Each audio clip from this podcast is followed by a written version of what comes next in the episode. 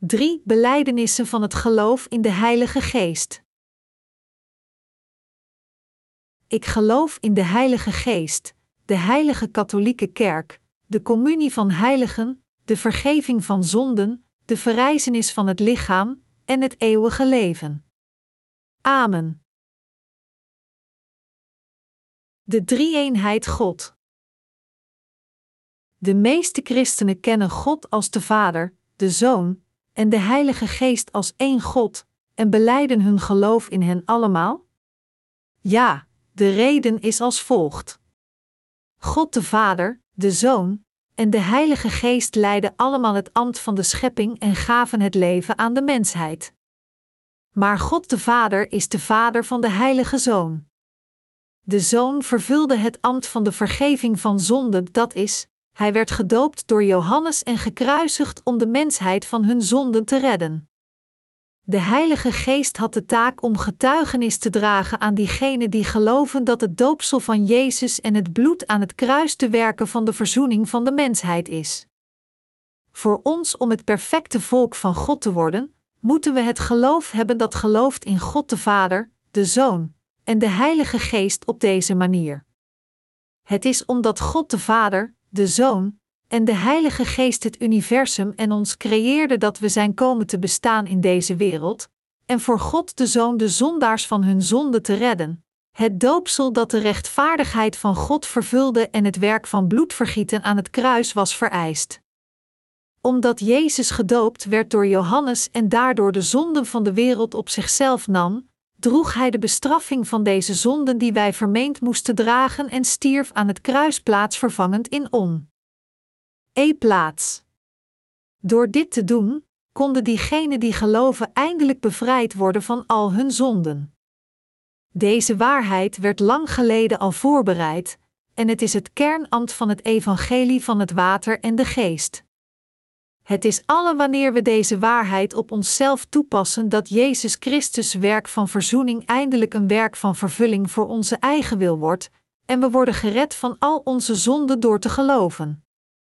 Als we geen kennis van God de Vader, de Zoon en de Heilige Geest hadden, dan zouden we niet kunnen weten hoe het universum is ontstaan en wie ons het leven heeft gegeven, en als er geen Zoon van God was geweest, nog zouden we niet in staat zijn de weg naar zaligmaking te kennen, dat is, hoe we onze zonden kunnen doorgeven, nog wat de basis van onze zaligmaking van zonden is. Maar als er geen Heilige Geest getuigenis had gedragen, dan maakt het niet uit hoe groot de weg van zaligmaking was voorbereid, deze waarheid zou een luchtkasteel zijn, helemaal niets met ons te maken. Daarom, wanneer we beleiden, in het geloof van de geloofbelijdenissen van de apostelen, moeten we denken aan God de Vader, de Zoon en de Heilige Geest die ons creëerde en ons leven gaf. En we moeten vastberaden ons geloof in de waarheid dat deze drie onafhankelijke personen één God voor ons zijn. God de Heilige Geest. God de Heilige Geest is niet alleen een kracht, maar hij heeft ook karakter. De Heilige Geest, Ruach Kedosh in Hebreeuws en Pneuma Hagios in het Grieks, is de derde persoon van de drie-eenheid. De geloofsbelijdenissen van de apostelen maken een ware beknopte beleidenis van het geloof in de Heilige Geest, alleen zeggend: Ik geloof in de Heilige Geest. Het is zeer belangrijk dat de Heilige precies weten wie de Heilige Geest is en wat zijn werken zijn en moeten eveneens weten over de gaven van de Heilige Geest, welke zullen worden besproken in een later deel van deze paragraaf. Als we beleiden dat we geloven in de Heilige Geest, voordat we denken aan enige mystieke krachten bezitten door Hem, moeten we eerst speciale aandacht schenken aan het feit dat we de Heilige Geest ontvangen als we geloven in God de Vader en de werken van de Zoon. Vele christenen hebben de neiging te denken dat zij de Heilige Geest kunnen ontvangen wanneer en zo vaak als zij Hem nodig hebben, maar dit is een door en door verkeerde manier van denken. We moeten ons realiseren dat de Heilige Geest niet een engel is, maar Hij is God aan wie we onze verering en gebeden moeten geven. Als zodanig kunnen we de Heilige Geest als we geloven in God de Vader en in de werken van de Zoon ontvangen. Wat God de Heilige Geest doet. Wat, dan, doet God de Heilige Geest? Als eerste neemt de Heilige Geest deel in het ambt geleid door God de Vader en de Zoon. De Heilige Geest nam deel in de werken van schepping en voorzienigheid onthuld door God de Vader. Niet alleen dit, hij nam eveneens deel in de werken van zaligmaking volbracht door God de Zoon door getuigenis te dragen. Dit verwijst naar het ambt dat de verzoening vervulde door Jezus. Dit wordt volledig toegepast aan elke en iedere heilige. Hoe kunnen we het doopsel van de Heilige Geest ontvangen? Om te begrijpen wat het doopsel van de Heilige Geest is, moeten we als eerste begrijpen waarom Jezus werd gedoopt door Johannes en aan het kruis stierf. Zoals Romeinen 3 uur 23 zegt: Want alle hebben gezondigd en derven de heerlijkheid Gods. Ieder menselijk wezen is geboren als een zondaar die niets anders dan ongerechtigheden voor God kunnen begaan. En volgens de Romeinen 6 uur 23, wat ons vertelt dat het loon van de zonde de dood is, Elk en ieder mens van de mensheid kan het daarom niet vermijden om te worden bestraft met de dood als het loon van de zonden. Maar God de Vader, die van de mensheid houdt, heeft een weg voorbereid door welke we kunnen worden gereinigd van onze zonden, beoordeeld voor en gered van hen, alles door Jezus.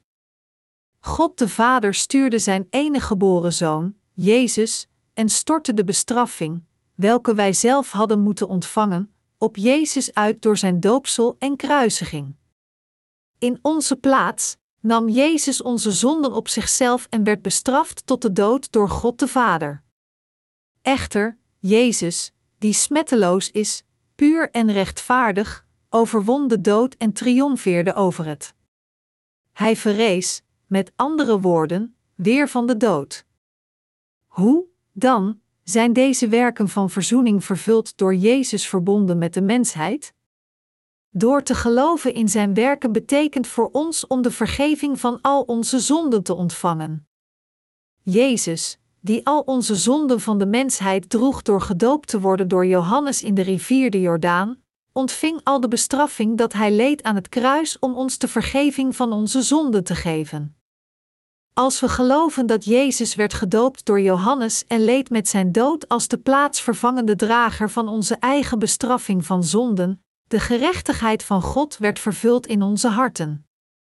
Bovendien, de rechtvaardigheid van Jezus werd doorgegeven aan ons als onze eigen rechtvaardigheid en we zijn bekleed met het, en we worden daardoor beschouwd als de perfecte rechtvaardige voor God, worden zijn kinderen en nemen deel aan het eeuwige leven. Galaten 3 uur 27 zegt, want gij alle, die in Christus gedoopt zijt, hebt u met Christus bekleed.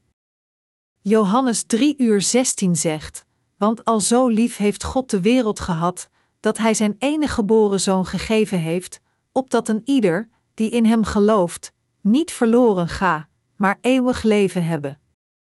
Net als dit vers, worden we rechtvaardig op het moment als we geloven dat al onze zonden weren doorgegeven aan Jezus met zijn doopsel ontvangen door Johannes, en geloven in de bestraffing van het kruis.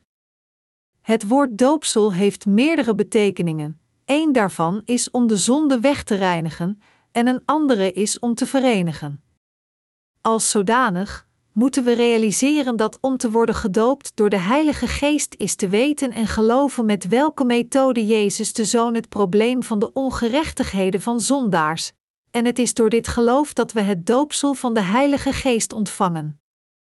Dat de Heilige Geest in onze harten is gekomen, in ons woont en ons verenigt, betekent dat we geloven in het doopsel van Jezus. Dit ambt van de Heilige Geest is goed beschreven in de passage van Matthäus 3, 13, 17. Jezus zei dat de reden waarom hij werd gedoopt door Johannes was om de rechtvaardigheid van God te vervullen met de methode van dit doopsel die hij ontving van Johannes. Daarom, om de Heilige Geest te ontvangen, moeten we als eerste geloven dat Jezus al de zonde van de mensheid op zichzelf nam door te worden gedoopt door Johannes. Dit is hoe we ons kunnen verenigen met de Heilige Geest. En de Bijbel vertelt ons dat we de Heilige Geest ontvangen door te geloven in de genade van de vergeving van zonden. Dat Jezus werd gekruisigd en zijn bloed vergoot omdat hij al de zonden van de mensheid heeft geaccepteerd doorgegeven aan hem met zijn doopsel. De Heilige Geest woont in de harten van diegenen die zijn gereinigd van hun zonden met het doopsel van Jezus en het bloed aan het kruis. Dit wordt getoond in de conversatie die Jezus had met Nicodemus. Tegen Nicodemus die kwam om hem te zien, zei Jezus dat alleen diegenen die wedergeboren zijn het koninkrijk van God kunnen zien. Wedergeboren worden betekent dat een ziel die stierf door zonde als nieuw herboren wordt en neemt deel in het eeuwige leven van het koninkrijk van God. Horend over de waarheid van wedergeboren worden, was Nicodemus niet in staat om te begrijpen wat het betekent, en daarom vroeg hij aan Jezus hoe zo'n ding kon gebeuren. Op dat moment antwoordde Jezus: Voorwaar, voorwaar, ik zeg u, tenzij iemand geboren wordt uit water en geest, kan hij het koninkrijk Gods niet binnengaan. Johannes 3, 5. Alleen door te geloven in het ambt van Jezus dat al onze zonden elimineert en zelfs de wortel van onze zonden, kunnen we als nieuw worden wedergeboren. En zo'n geweldig werk werd vervuld toen hij werd gedoopt en stierf aan het kruis. Als we het geloven, woont de Heilige Geest in ons. Geen poging, werk, prestatie, bekwaamheid of karakter van de mensheid, wat dan ook, is verwikkeld in dit. We hebben het geloof nodig dat gelooft in de waarheid dat alleen het doopsel van Jezus en zijn dood aan het kruis de zonde van de mensheid dus heeft weggereinigd. We moeten aandacht besteden aan wat Jezus continu zei in zijn conversatie met Nicodemus. Jezus benadrukt het belang van het woord dat we moeten worden wedergeboren uit het water en de geest. De Heilige Geest ambt van wedergeboorte dat onze zielen weer laat wedergeboren worden, dat is, het doopsel van de Heilige Geest is niet alleen een transformatie die voorkomt in het diepste diep van een persoons hart, maar het is eveneens een bijzonder mysterieus mysterie. Door dit kan het mysterie niet worden gezien door ons eigen verstand of bewustzijn. Wat we kunnen weten is dat het ontvangen van het doopsel van de Heilige Geest samenkomt met de vergeving van zonden die we in ons hart ontvingen toen we geloofden in het doopsel van Jezus en het bloed aan het kruis. We realiseerden ons dat we Gods kinderen zijn geworden toen we de Heilige Geest als een geschenk ontvingen. Romeinen 8 uur 15. Wie is de Heilige Geest? De Heilige Geest verwijst naar de derde persoon van God. Het geloof van deze drie-eenheid is het meest principiële en kerngeloof. Deze waarheid kan helemaal geweten en begrepen worden door te geloven in het water en de geest. Waarom? De redenen zijn als volgt. 1. Omdat zondaars schepsels zijn terwijl God de verrijkende is die het onmetelijke universum creëerde en de hele mensheid. Als zodanig, de waarheid van de drie-eenheid kan men pas weten nadat men de vergeving van al de zonden heeft ontvangen door te geloven in het water en de geest. 2. Vanwege hun overtredingen zijn de harten van menselijke wezens verduisterd door hun zonden. Net als dat je in een spiegel niet kunt zien omdat hij gebrand is. De ogen van het hart van een zondaar kan niet zien wat de drie-eenheid God heeft gedaan. 3. Zonder de verlichting van de Heilige Geest kunnen we de dieptes van Gods hart niet kennen. De Heilige Geest draagt getuigenis dat het woord van God de waarheid is, Johannes 16 uur 13. Als zodanige maakt de Heilige Geest het voor ons mogelijk te weten wat de waarheid van het water en de geest is, want Hij is God die een compleet karakter in bezit van kennis, emotie en wil heeft. Hij woont in diegenen die geloven in het geschreven woord van God en werkt met hun. We moeten Hem daarom aanbidden, in Hem vertrouwen, van Hem houden en Hem gehoorzamen. Wat zijn de voornaamste werken van de Heilige Geest? Het werk van de Heilige Geest doet de harten van de heiligen verzegelen die zijn vergeven van hun zonde door te geloven in het evangelische woord van het water en de geest. De Heilige Geest werkt in onze harten volgens ons geloof in het geschreven woord van de waarheid. 1. Hij draagt getuigenis van het feit dat het woord van God de waarheid is. De Heilige Geest waarborgt de harten van diegenen die geloven in het woord van het doopsel van Jezus aan het kruis. Als iemand in Jezus doopsel en het bloed aan het kruis gelooft, degene die goedkeurt zijn slash haar geloof juist is, is God de Heilige Geest. De Heilige Geest werkt onder diegenen die zeer zeker in het geloof van diegenen die in het evangelie van het water en de geest geloven goed. Hij waarborgt, met andere woorden, diegenen die geloven dat Jezus naar deze aarde kwam en de zonde van de wereld met zijn doopsel en bloed uitwiste. 2. De Heilige Geest is met de rechtvaardigen en maakt dat zij getuigen van het evangelie van het water en de geest aan zondaars. In Johannes 16, 8, 9 zegt Jezus: En als Hij komt, zal Hij de wereld overtuigen van zonde en van gerechtigheid en van oordeel, van zonden, omdat zij in Mij niet geloven. De Heilige Geest bevestigt opnieuw het evangelie van het water en de geest in de harten van de rechtvaardigen, Johannes 14 uur 26. Hij draagt getuigenis van wat de Heer heeft gedaan. Hij maakt het voor ons mogelijk te weten dat Jezus naar deze aarde kwam, de zonden van de wereld op zich nam door te worden gedoopt en te sterven aan het kruis, en hij staat ons toe om in hen te geloven. 3. Hij laat ons geloven in God en Hem aanroepen. De Heilige Geest laat de rechtvaardigen bidden. Romeinen 8 uur 15 zegt: Want gij hebt niet ontvangen een geest van slavernij om opnieuw te vrezen, maar gij hebt ontvangen de geest van het zoonschap, door welke wij roepen: Abba, Vader. De Heilige Geest stelt de heiligen in staat om aan te roepen en te geloven in God als Abba, Vader. 4. De Heilige Geest laat ons werken met de gaven die Hij ons gegeven heeft. Hij maakt het voor ons mogelijk om het werk van de rechtvaardigheid van God met zijn geestesgaven te doen. 1 Corinthiërs 15 uur 10 zegt: Maar door de genade Gods ben ik, wat ik ben, en mijn genade aan mij is niet vergeefs geweest, want ik heb meer gearbeid dan zij alleen, doch niet ik maar de genade Gods, die met mij is. 5. De Heilige Geest leidt ons totdat we de hemel binnengaan.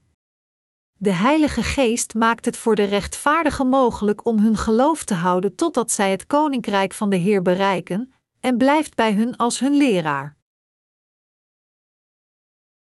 Preek 1: De Heilige Geest.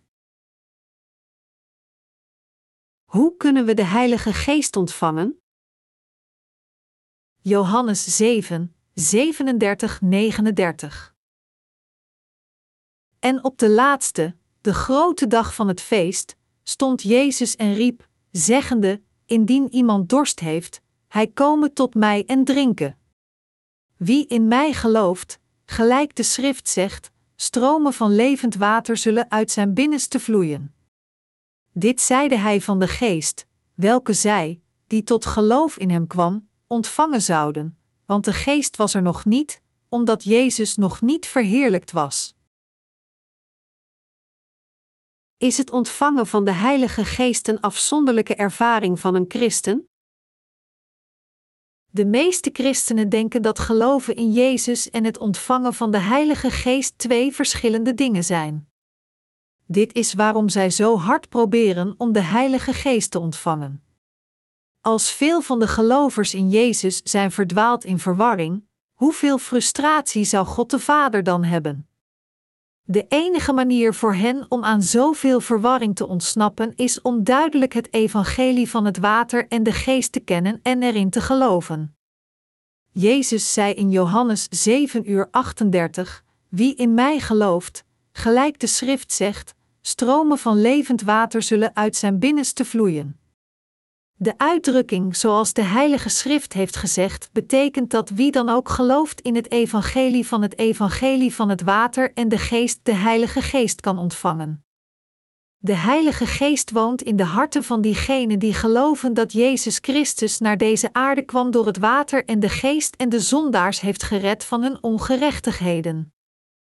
Als iemand weet en gelooft in het evangelie van het water en de geest, de Heilige Geest vloeit dan in zijn slash haar harten als een rivier. Jezus zei dat iedereen die dorst heeft naar hem toe moet komen om te drinken. Diegenen in wiens harten de Heilige Geest vloeit als een rivier zijn degenen die waarlijk verbazende zegeningen hebben ontvangen door te geloven in het evangelie van het water en de geest. De Heilige Geest komt niet als een aparte ervaring aan diegenen die geloven in Jezus, zoals de geschriften heeft gezegd. Diegenen die serieus zoeken om de Heilige Geest te ontvangen geloven dat als zij alleen maar vurig en blindelings bidden, dat Hij dan over hun zou komen. Maar een dergelijk geloof heeft niets te maken met het ware evangelie dat het mogelijk maakt om de Heilige Geest gegeven door Jezus te ontvangen. Denkend dat iemand de Heilige Geest kan ontvangen gegeven door de Heer zelfs als hij slash zij het evangelie van het water en de geest afwijzen of negeren is niet de waarheid. Zonder te geloven in het evangelie van het water en de geest gegeven door Jezus, kunnen we de Heilige Geest niet ontvangen. We kunnen Hem niet kopen zoals we goederen kopen met geld. De Heilige Geest komt over ons als een geschenk als we geloven in het evangelie van het water en de geest. Waarom zijn mensen niet in staat om de inwoning van de Heilige Geest in hun harten te krijgen, zelfs als zij in Jezus geloven? Het antwoord op deze vraag wordt gevonden in het evangelie van het water en de geest gegeven door de Heer. De reden waarom het christendom zo donker is geworden is omdat velen de Heilige Geest verkeerd begrepen hebben, die, zoals beschreven in Handelingen 2, over de apostelen kwam op Pinksterdag. De meeste van hen denken dat de apostelen de volheid van de Heilige Geest ontvingen door ernstige gebeden. Alhoewel Jezus de Heilige Geest niet geeft aan diegenen die zondig zijn, zijn er nog steeds veel mensen die volharden in hun vastberadenheid. Als diegenen die het evangelie van het water en de geest niet kennen verlangen naar deze Heilige Geest en volharden in hun eigen koppigheid, komen demonen die beweren Jezus te zijn in hen, en zij eindigen door deze slechte geesten als een bezeten fanaticus. Als zodanig moeten mensen niet proberen om de Heilige Geest door geweld te ontvangen door hun eigen koppigheid. Het is zeer gevaarlijk voor iemand die niet de vergeving van zonden heeft ontvangen te vragen voor de Heilige Geest. We moeten ons realiseren dat dit verwant is aan het vragen van iets dat gewoon onmogelijk is. De Bijbel zegt dat het gezag van diegenen die de vergeving van zonden hebben ontvangen groot is. In Johannes 20 uur 23 zegt Jezus: Wie gij hun zonde kwijtscheldt, die zijn ze kwijtgescholden, wie gij ze toerekent, die zijn ze toegerekend. Zo'n gezag is gegeven aan diegenen die de Heilige Geest hebben ontvangen. Hun gezag is groot, en hun verantwoordelijkheid is eveneens groot. Jezus vertelde Petrus: Ik geef jou de sleutels van de hemel.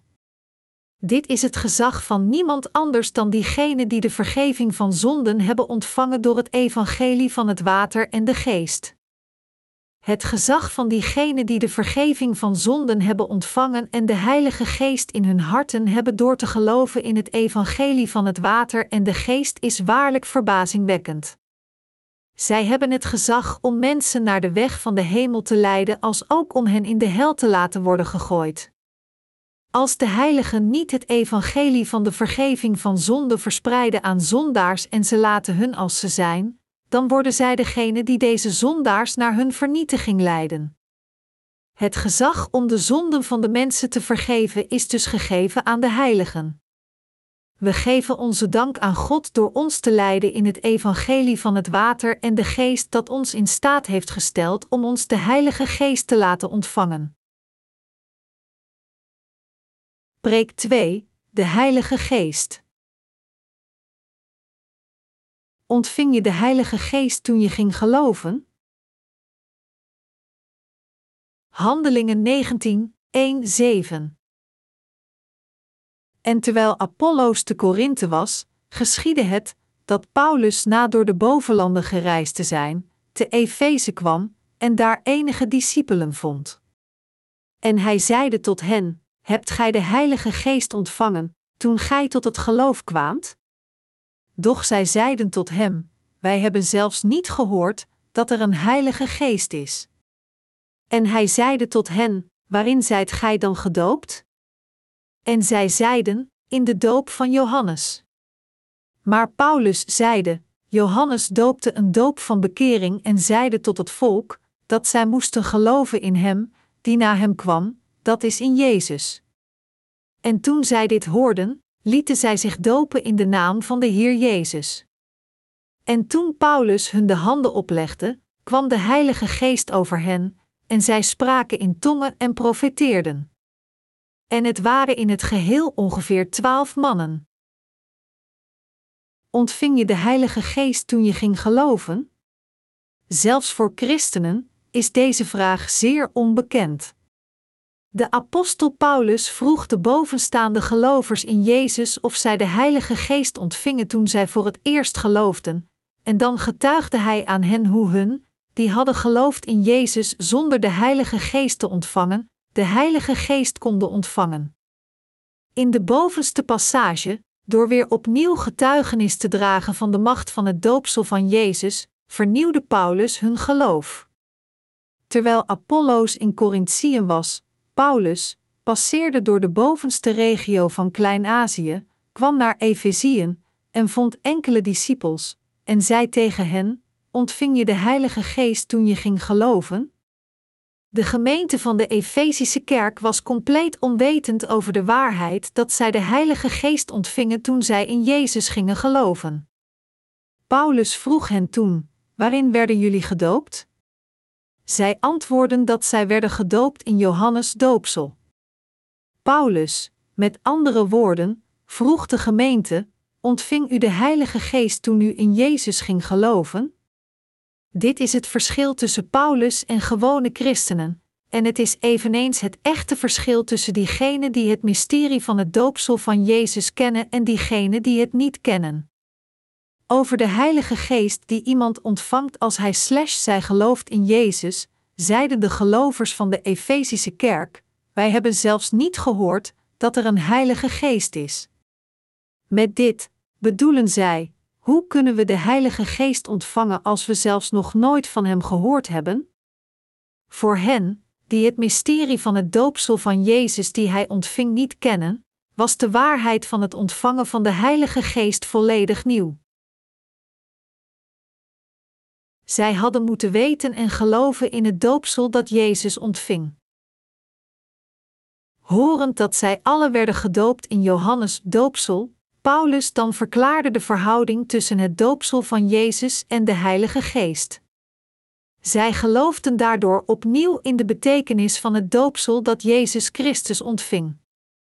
Er is een zeer groot verschil in hem terwijl men de betekenis van het doopsel die Jezus ontving van Johannes weet en alleen gelooft in hem zonder deze kennis.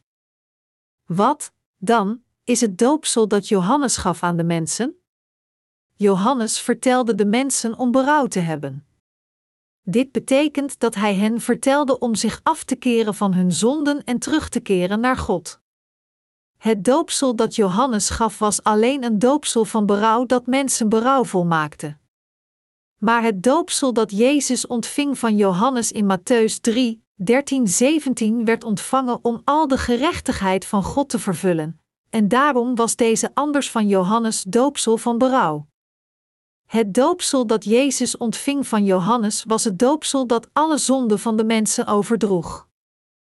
Hun geloof was verschillend van het geloof van Paulus, want het doopsel dat zij ontvingen was, van niet het hele plaatje van de waarheid kennen.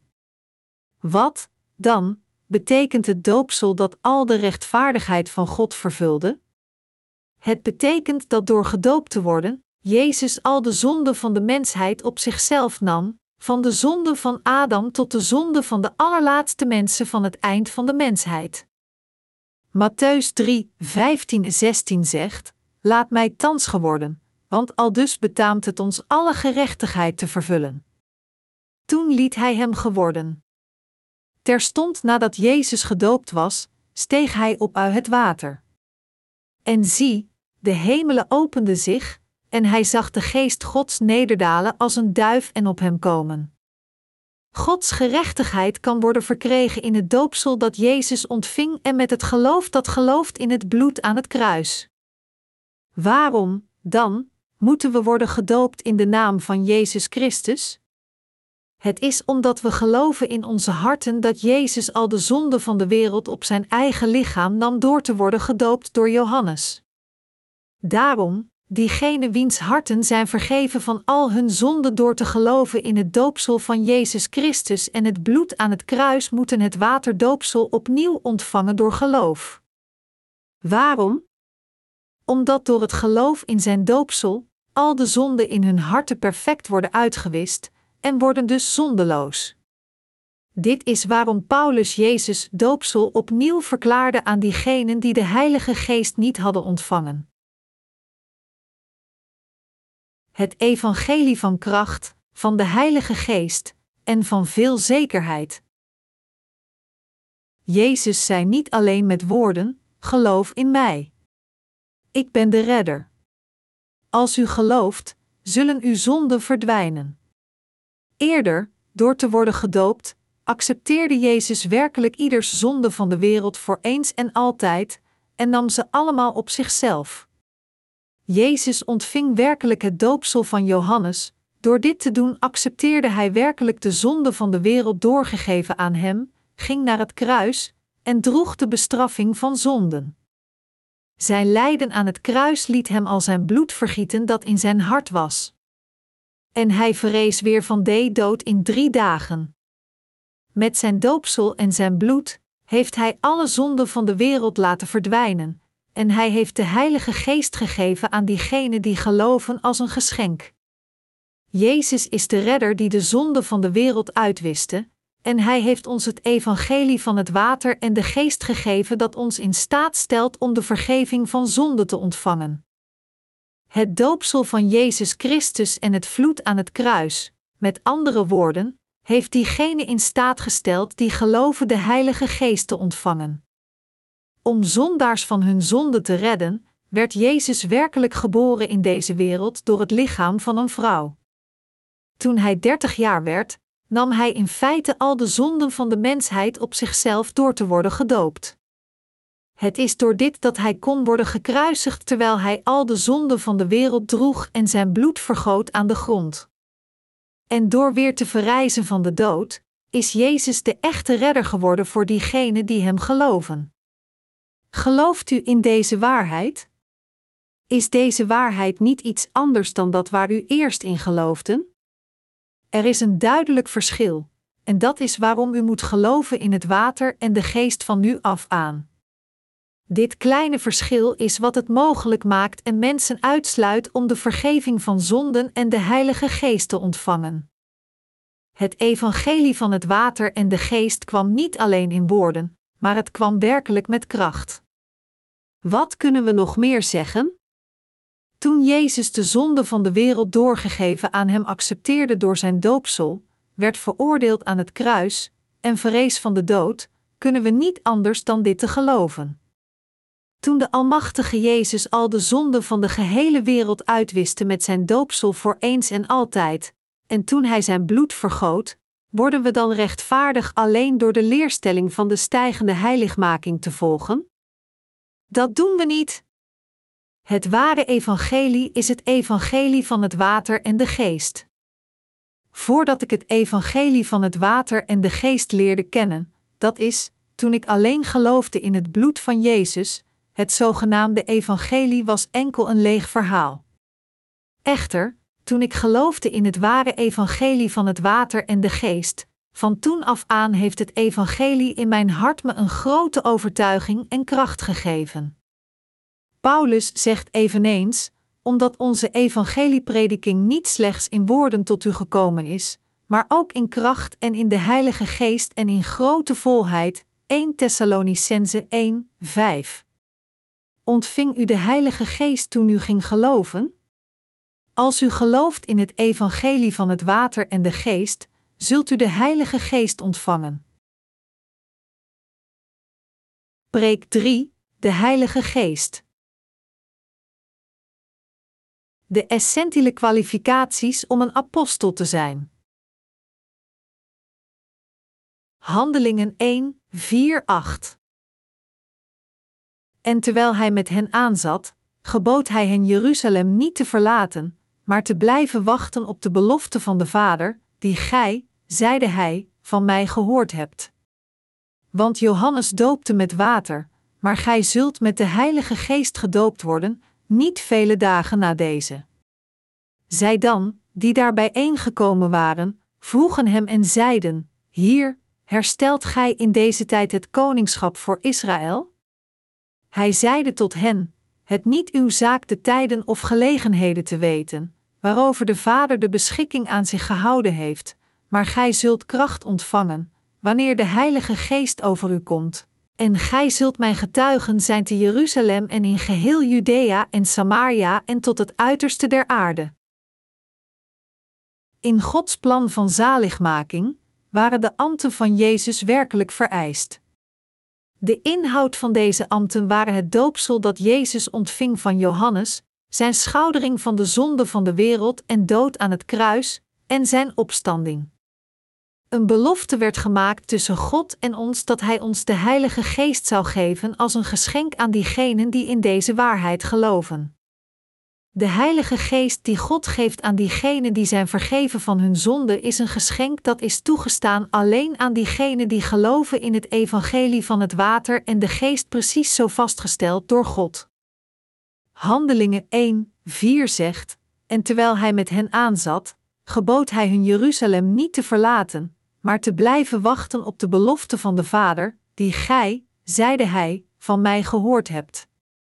Jezus gebood de apostelen, om de beloofde Heilige Geest te ontvangen, verlaat Jeruzalem niet maar wacht.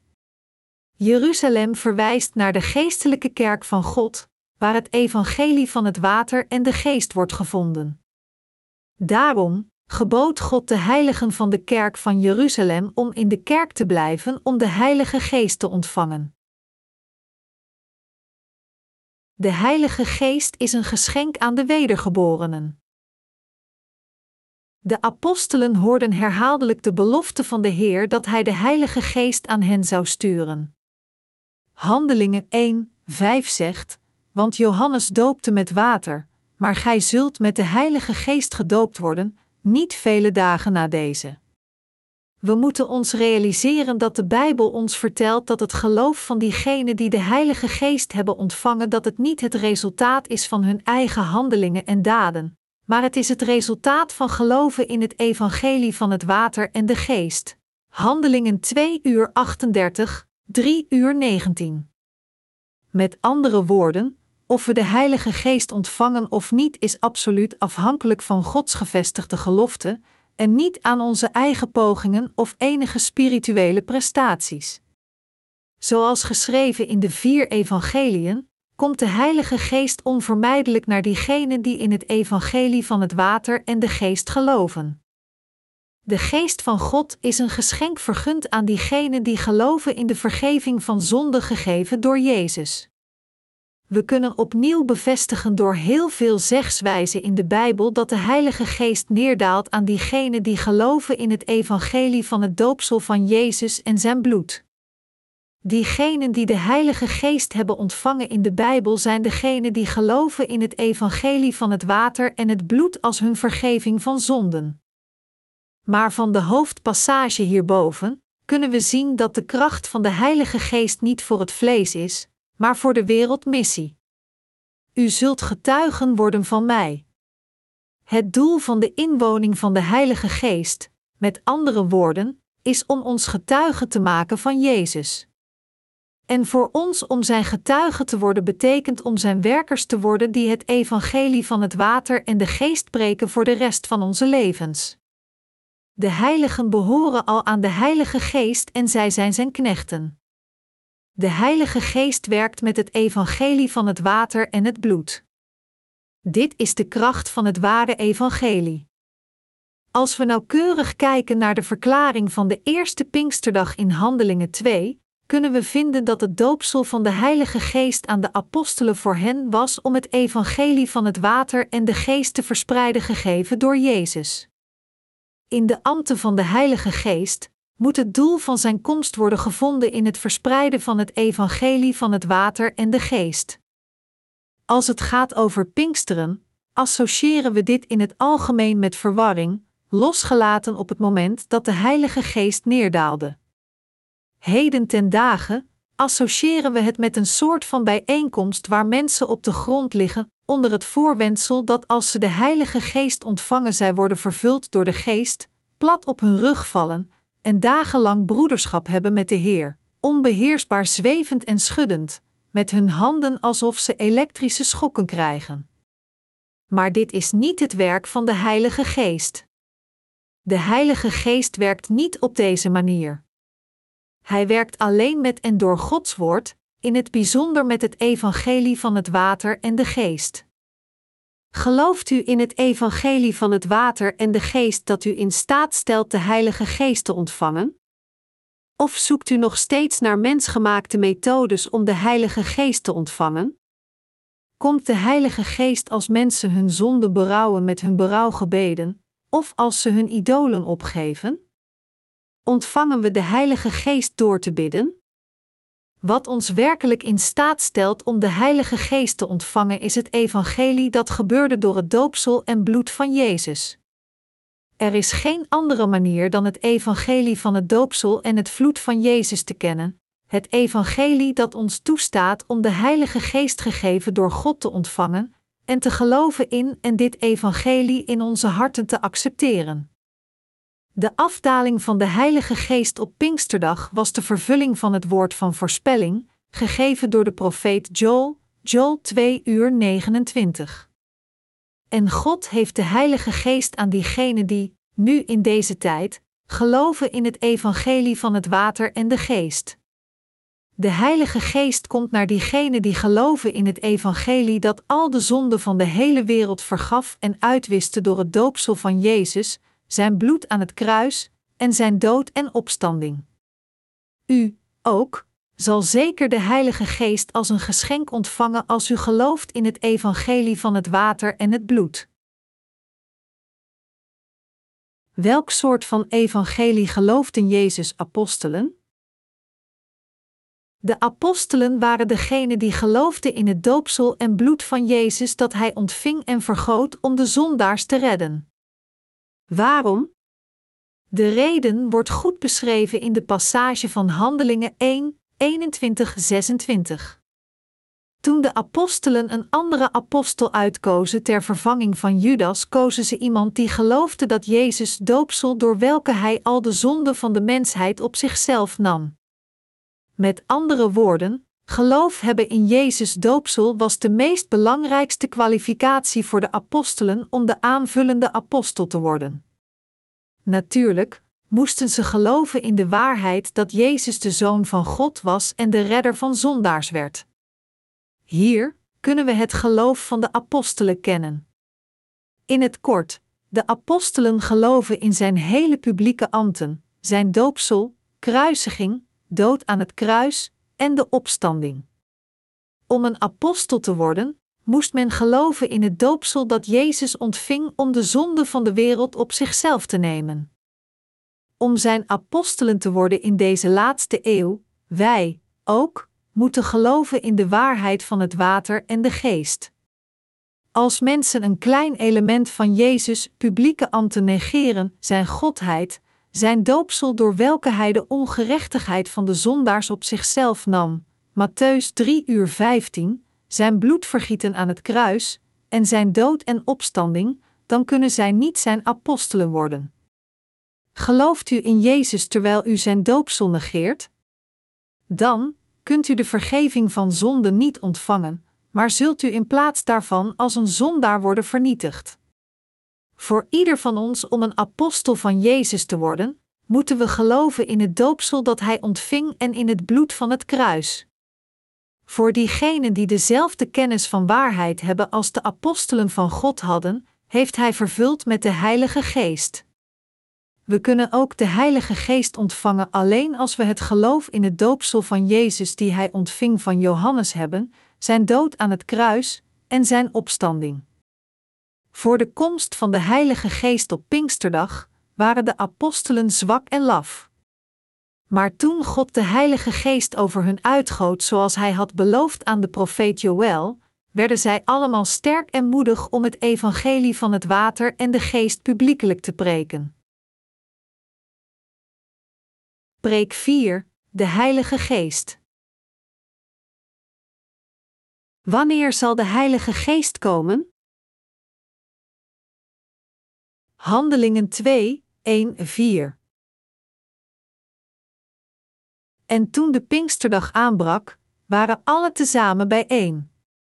En eensklaps kwam er uit de hemel een geluid als van een geweldige windvlag en vulde het gehele huis, waar zij gezeten waren, en er vertoonde zich aan hen tongen als van vuur, die zich verdeelden, en het zette zich op ieder van hen. En zij werden alle vervuld met de Heilige Geest en begonnen met andere tongen te spreken, zoals de Geest het hun gaf uit te spreken.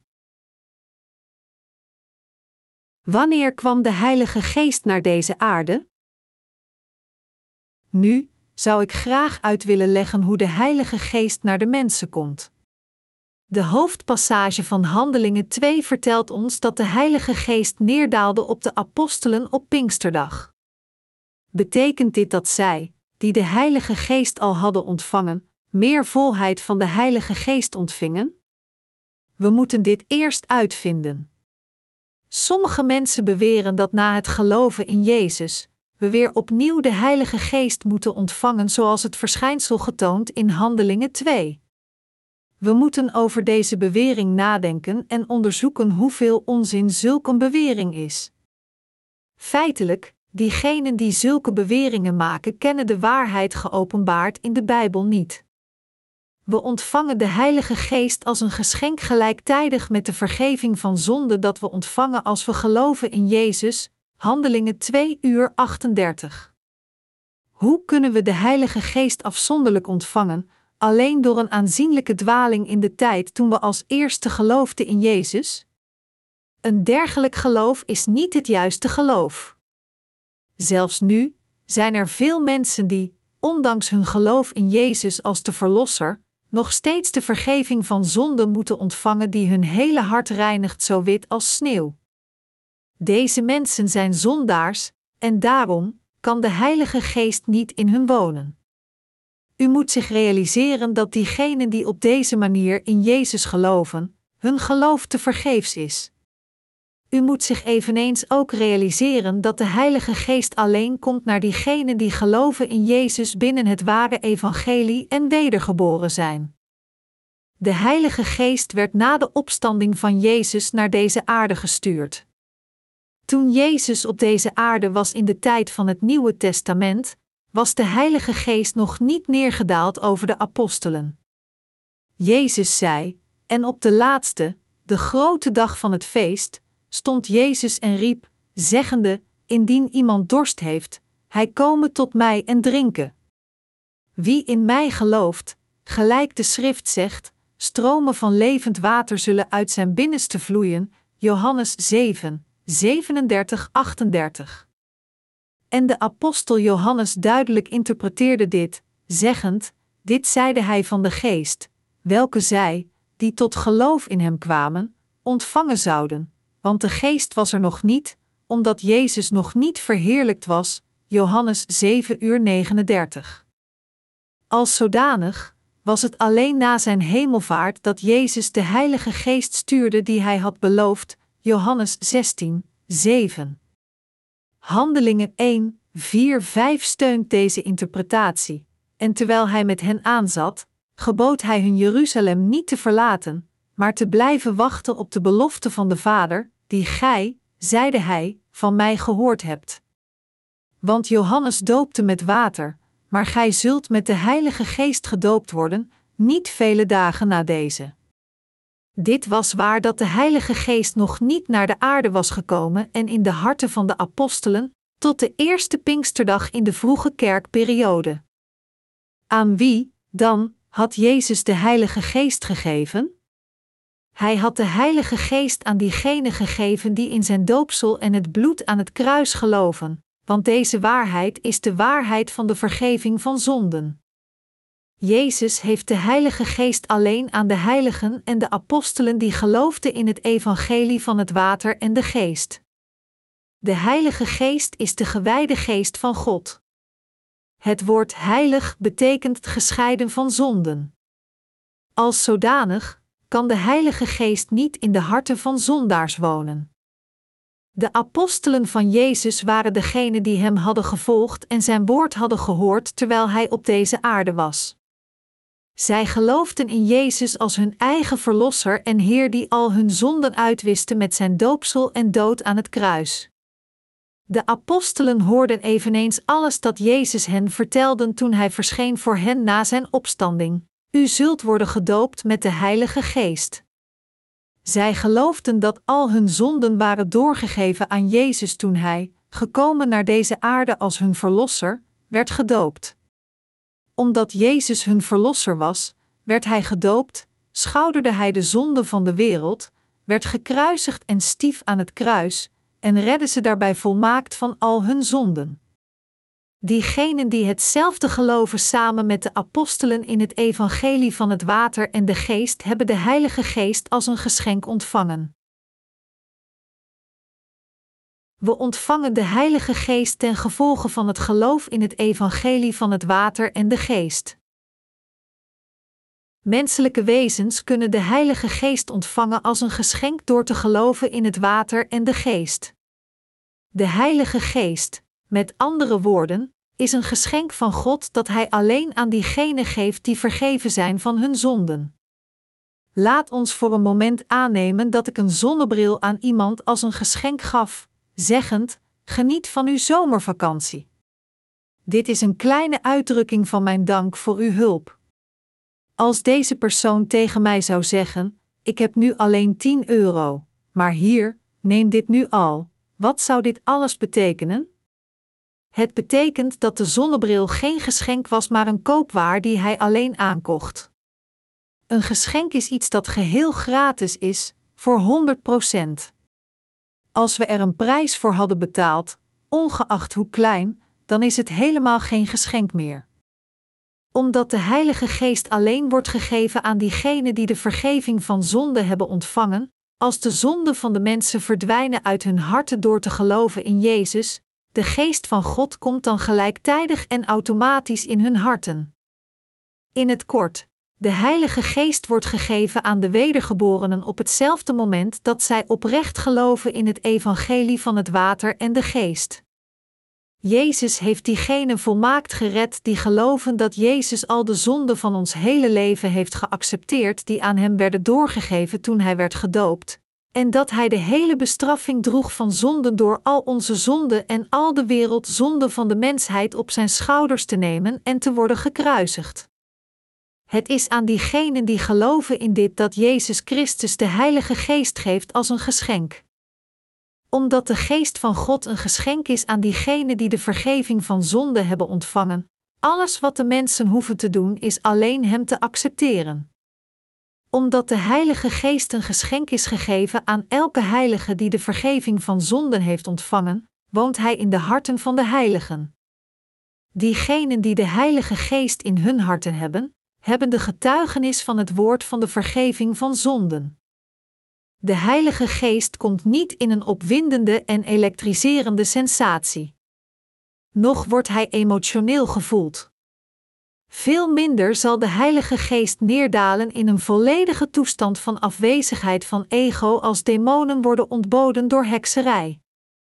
Omdat de Bijbel zegt: En er vertoonde zich aan hen tongen als van vuur, die zich verdeelden, en het zette zich op ieder van hen. Sommigen van u zullen denken en beweren dat een zeker gevoel ontstaat als de Heilige Geest neerdaalt op u echter. U moet weten dat zo'n ervaring niets te maken heeft met de Heilige Geest, maar enkel het teken van het worden bezeten door een demon is. Er was vroeger een professor bij een seminarie die beweerde dat als de Heilige Geest neerdaalt, hij neerdaalde door de elektrische handen. Maar dit is niet hoe de echte Heilige Geest neerdaalt. U moet zich daarom realiseren dat als er een geest in u komt op deze manier, dat dit niet de Heilige Geest is. Sommige mensen misverstaan de neerdaling van demonen op hun als de Heilige Geest. Zij misverstaan en misgeloven deze demonen als zijnde de Heilige Geest te zijn. Als demonen binnenkomen, kunnen mensen hen voelen, maar de Heilige Geest kan men niet voelen. De Heilige Geest daalt stilletjes op ons neer, samen met de vergeving van zonden, als we geloven in het evangelische woord van het water en de geest. De absolute meerderheid van de hedendaagse christenen zijn niet wedergeboren door het evangelie van het water en de geest, zelfs als zij in Jezus op de een of andere wijze geloven. Zij zijn nog steeds aan het proberen om de Heilige Geest te ontvangen na een paar en zelfs meer jaren sinds zij gingen geloven in Jezus. Maar, u moet zich realiseren dat het verkeerd is om de vergeving van zonden en de Heilige Geest apart te ontvangen nadat u ging geloven in Jezus. Proberend om de Heilige Geest apart te ontvangen nadat ze gingen geloven in Jezus, klimmen ze op een berg en bidden, en doen allemaal gekke dingen in de kerk, huilen en jammeren. Dit zijn allemaal symptomen van bezetenheid. Als we de vergeving van zonde niet voor eens en altijd kunnen ontvangen, dan kunnen we niet de Heilige Geest later apart ontvangen. Als mensen proberen om de Heilige Geest naderhand apart te ontvangen zonder het evangelie van het water en de geest, zullen ze in plaats daarvan bezeten worden door demonen. Vaak, als mensen naar plaatsen gaan zoals gebedshuizen en vurig God aanbidden om hen de Heilige Geest te geven, ontvangen ze iets. Maar wat ze ontvangen is niet de Heilige Geest, maar demonen die voorwenden de Heilige Geest te zijn. U moet zich realiseren dat zulke gebeurtenissen frequent zijn en dat u niet kunt proberen om de Heilige Geest te ontvangen zonder het evangelie van het water en de geest. Om een gezond Bijbels leven te leiden, moet men geloven in het evangelische woord van het water en de geest. Als eerste, ontvang de vergeving van al uw zonden door het geloof in het ware evangelie. U zult dan de Heilige Geest als een geschenk ontvangen. Als Jezus alle zonden van de wereld heeft uitgewist met zijn water en bloed, en u onwetend blijft over dit en alleen vurig bidt om de Heilige Geest te ontvangen, dan zult u eindigen met het bezeten worden door demonen. Mensen begrijpen het evangelie van het water en de geest verkeerd en geloven dat Jezus hun zonde uitwiste met alleen het bloed aan het kruis. Wat zou er gebeurd zijn als Jezus was gestorven aan het kruis, zonder eerst al onze zonden die doorgegeven zijn aan Hem door Zijn doopsel te accepteren? Het Oude en Nieuwe Testament passen perfect bij elkaar. In het Oude Testament werden zonden doorgegeven door het opleggen van handen op het hoofd van een dierlijk brandoffer. Eveneens wilde God dat Jezus de zonde van de wereld op zich nam door te worden gedoopt door Johannes. Als Johannes niet de zonde van de wereld had doorgegeven aan Jezus door zijn doopsel, dan zouden deze zonden gebleven zijn wat ze waren, zelfs tot nu toe. Dit is waarom, zoals in het Oude Testament het opleggen van handen, Jezus Christus de zonde van de wereld op zichzelf moest nemen door te worden gedoopt door Johannes, de vertegenwoordiger van de mensheid, voorafgaand aan zijn kruisiging. Het is omdat Jezus Christus werd gedoopt door Johannes dat hij naar het kruis kon gaan en zijn bloed kon vergieten. Iedereen moet geloven in Jezus, die de zonde van de wereld uitwiste met zijn doopsel en bloed, en hij slash zij moet daarbij worden vergeven van al zijn slash haar zonden. Alleen als iemands zonden zijn vergeven, kan hij slash zij de Heilige Geest ontvangen. Als iemand nog steeds zonde in zijn slash haar hart heeft, zelfs als hij slash zij in Jezus gelooft, dan kan de Heilige Geest niet in het hart van deze persoon wonen. We kunnen de Heilige Geest alleen ontvangen als we de gerechtigheid van God hebben ontvangen. De vergeving van zonden en de Heilige Geest worden niet apart ontvangen. Diegenen die onwetend zijn over dit weten niet de hele waarheid, en zo gaan zij dus naar gebedshuizen of ander zulke plaatsen, vasten en bidden. Wat zullen zij doen als zij te zwak worden om het vasten af te maken? Zij denken aan Jezus' kruisiging en dragen met hun honger, tegen zichzelf zeggend: Mijn honger betekent niets vergeleken met Jezus' kruisiging. Er zijn veel van zulke mensen die wanhopig proberen de Heilige Geest te ontvangen terwijl zij hun spiritueel leven leven, maar hun zonden blijven intact in hun harten. Wat u zeker moet weten is dat vasten niet op zich datgene is wat belangrijk is. Wat echt belangrijk is, is te weten en geloven in het evangelie van het water en de geest gegeven door God en daarbij worden al onze zonden vergeven door geloof. God wil dat u weet en gelooft in het evangelie van het water en de geest meer dan te bidden en te vasten met toewijding. Waarom? Want dit is wat u zal zegenen. Als iemand bidt: Heer, geef mij de Heilige Geest, komt de Heilige Geest dan naar deze persoon toe zelfs als zijn slash haar hart nog steeds zondig is? Hoe kan de gewijde Heilige Geest wonen in de harten van de zondaars? Alleen demonen kunnen in zulke zondige harten wonen. Demonen maken de harten van de zondaars hun huizen, terwijl de Heilige Geest tempels maakt uit en eeuwig woont in de harten van diegenen die de vergeving van hun zonden hebben ontvangen door in het evangelie van het water en het bloed van Jezus Christus. Preek 5. De Heilige Geest. De geestelijkheid van de Heilige Geest. Johannes 16, 5, 11. En nu ga ik heen tot hem, die mij gezonden heeft, en niemand van u vraagt mij: Waar gaat gij heen? Maar omdat ik dit tot u gesproken heb, heeft droefheid uw hart vervuld. Doch ik zeg u de waarheid: het is beter voor u dat ik heen ga. Want indien ik niet heen ga, kan de trooster niet tot u komen, maar indien ik heen ga, zal ik hem tot u zenden. En als hij komt, zal hij de wereld overtuigen van zonde en van gerechtigheid en van oordeel, van zonde, omdat zij in mij niet geloven, van gerechtigheid, omdat ik heen ga tot de Vader en gij mij niet langer ziet, van oordeel, omdat de overste deze wereld geoordeeld is. Laat ons onderzoeken wat het is dat de Heilige Geest doet als Hij naar deze aarde komt. Als eerste, de Heilige Geest veroordeelt de zondige wereld. De bovenste passage vertelt ons dat de Heilige Geest de wereld van zonden veroordeelt. Anders gezegd, de Heilige Geest veroordeelt mensen voor hun zonden dat hen naar de hel leidt.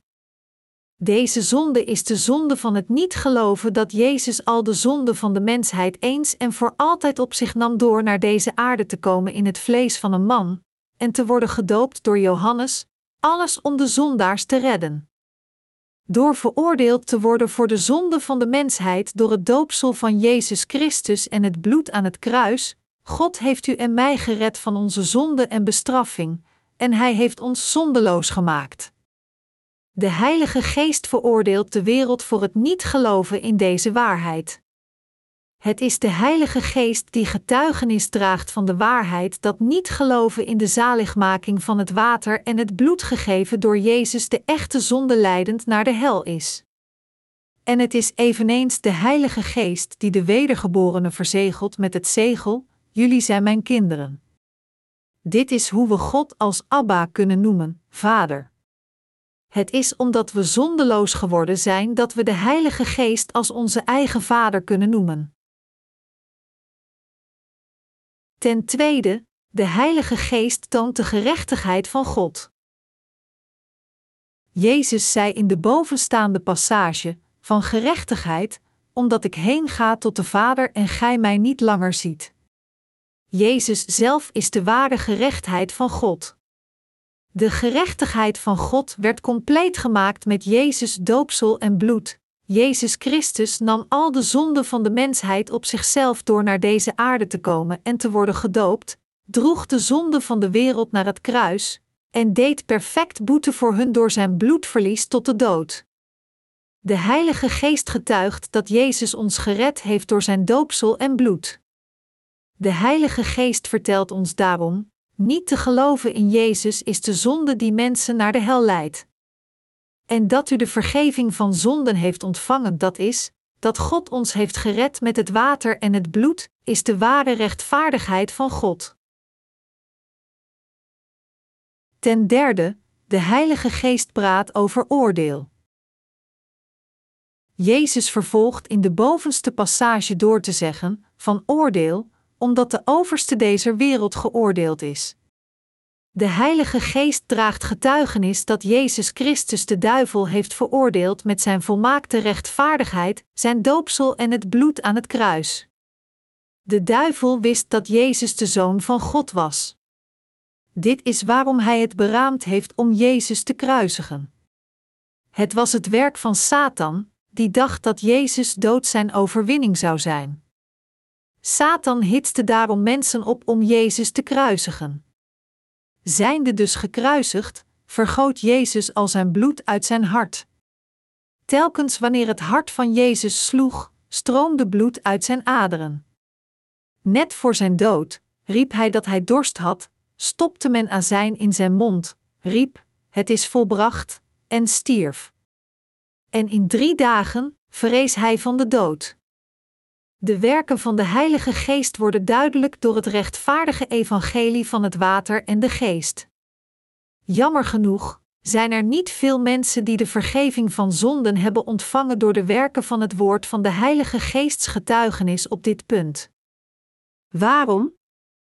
Omdat mensen worden bedrogen door de werken van demonen, en zij zijn daardoor niet in staat om wedergeboren te worden, het ontvangen van demonische geesten en hen aanzien voor de geest van Jezus.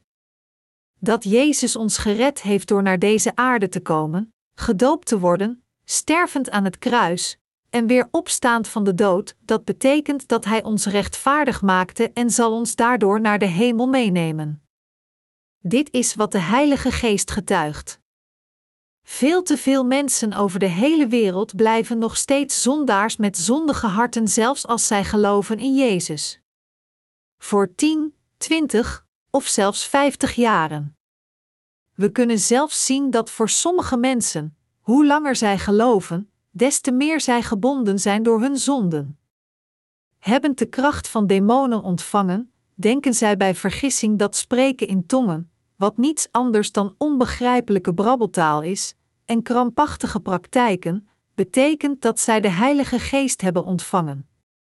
Maar dit zijn niet de gaven van de Heilige Geest, maar van demonen. Het is, met andere woorden, christenen worden bezeten door demonen door hun onvermogen om de werken van de Heilige Geest van de werken van demonen te onderscheiden. De karakteristieken van de demonische bezetenheid bevat hevige stuiptrekkingen, volslagen onbegrijpelijke woorden, rollende ogen en schuddende lichamen en het brutaal begaan van onpersoonlijke handelingen.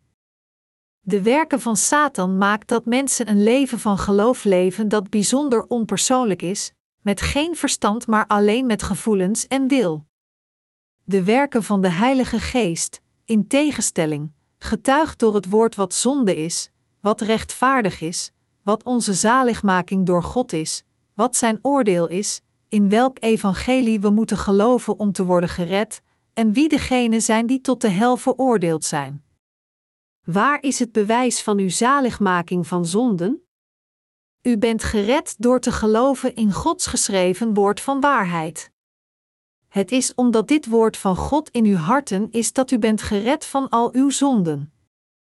Maar zoveel christenen kunnen de waarheid en het mooie evangelie niet accepteren omdat er veel valse leringen opeengehoopt zijn in hun verstand van voordien. Zoals er geen vrije kamer was om Maria die zwanger was van Jezus in de herberg te herbergen, zulke mensen moeten eerst hun hart leegmaken om Jezus te accepteren en vasthouden aan een geloven in het geschreven woord van God. We moeten vasthouden aan en geloven in het evangelische woord van het water en de geest, in de belofte dat Jezus Christus zou komen om ons te redden. Dit is hoe we eeuwig gered kunnen worden van onze zonden en worden goedgekeurd door God de Heilige Geest. Het is de harten van diegenen die zondeloof zijn geworden door te geloven in Jezus dat God de Heilige Geest kan inwonen. We hebben de vergeving van zonde ontvangen, maar we kunnen niet anders dan toch opnieuw te zondigen. Natuurlijk, zondigen we niet vrijwillig, maar uit onze zwakheid.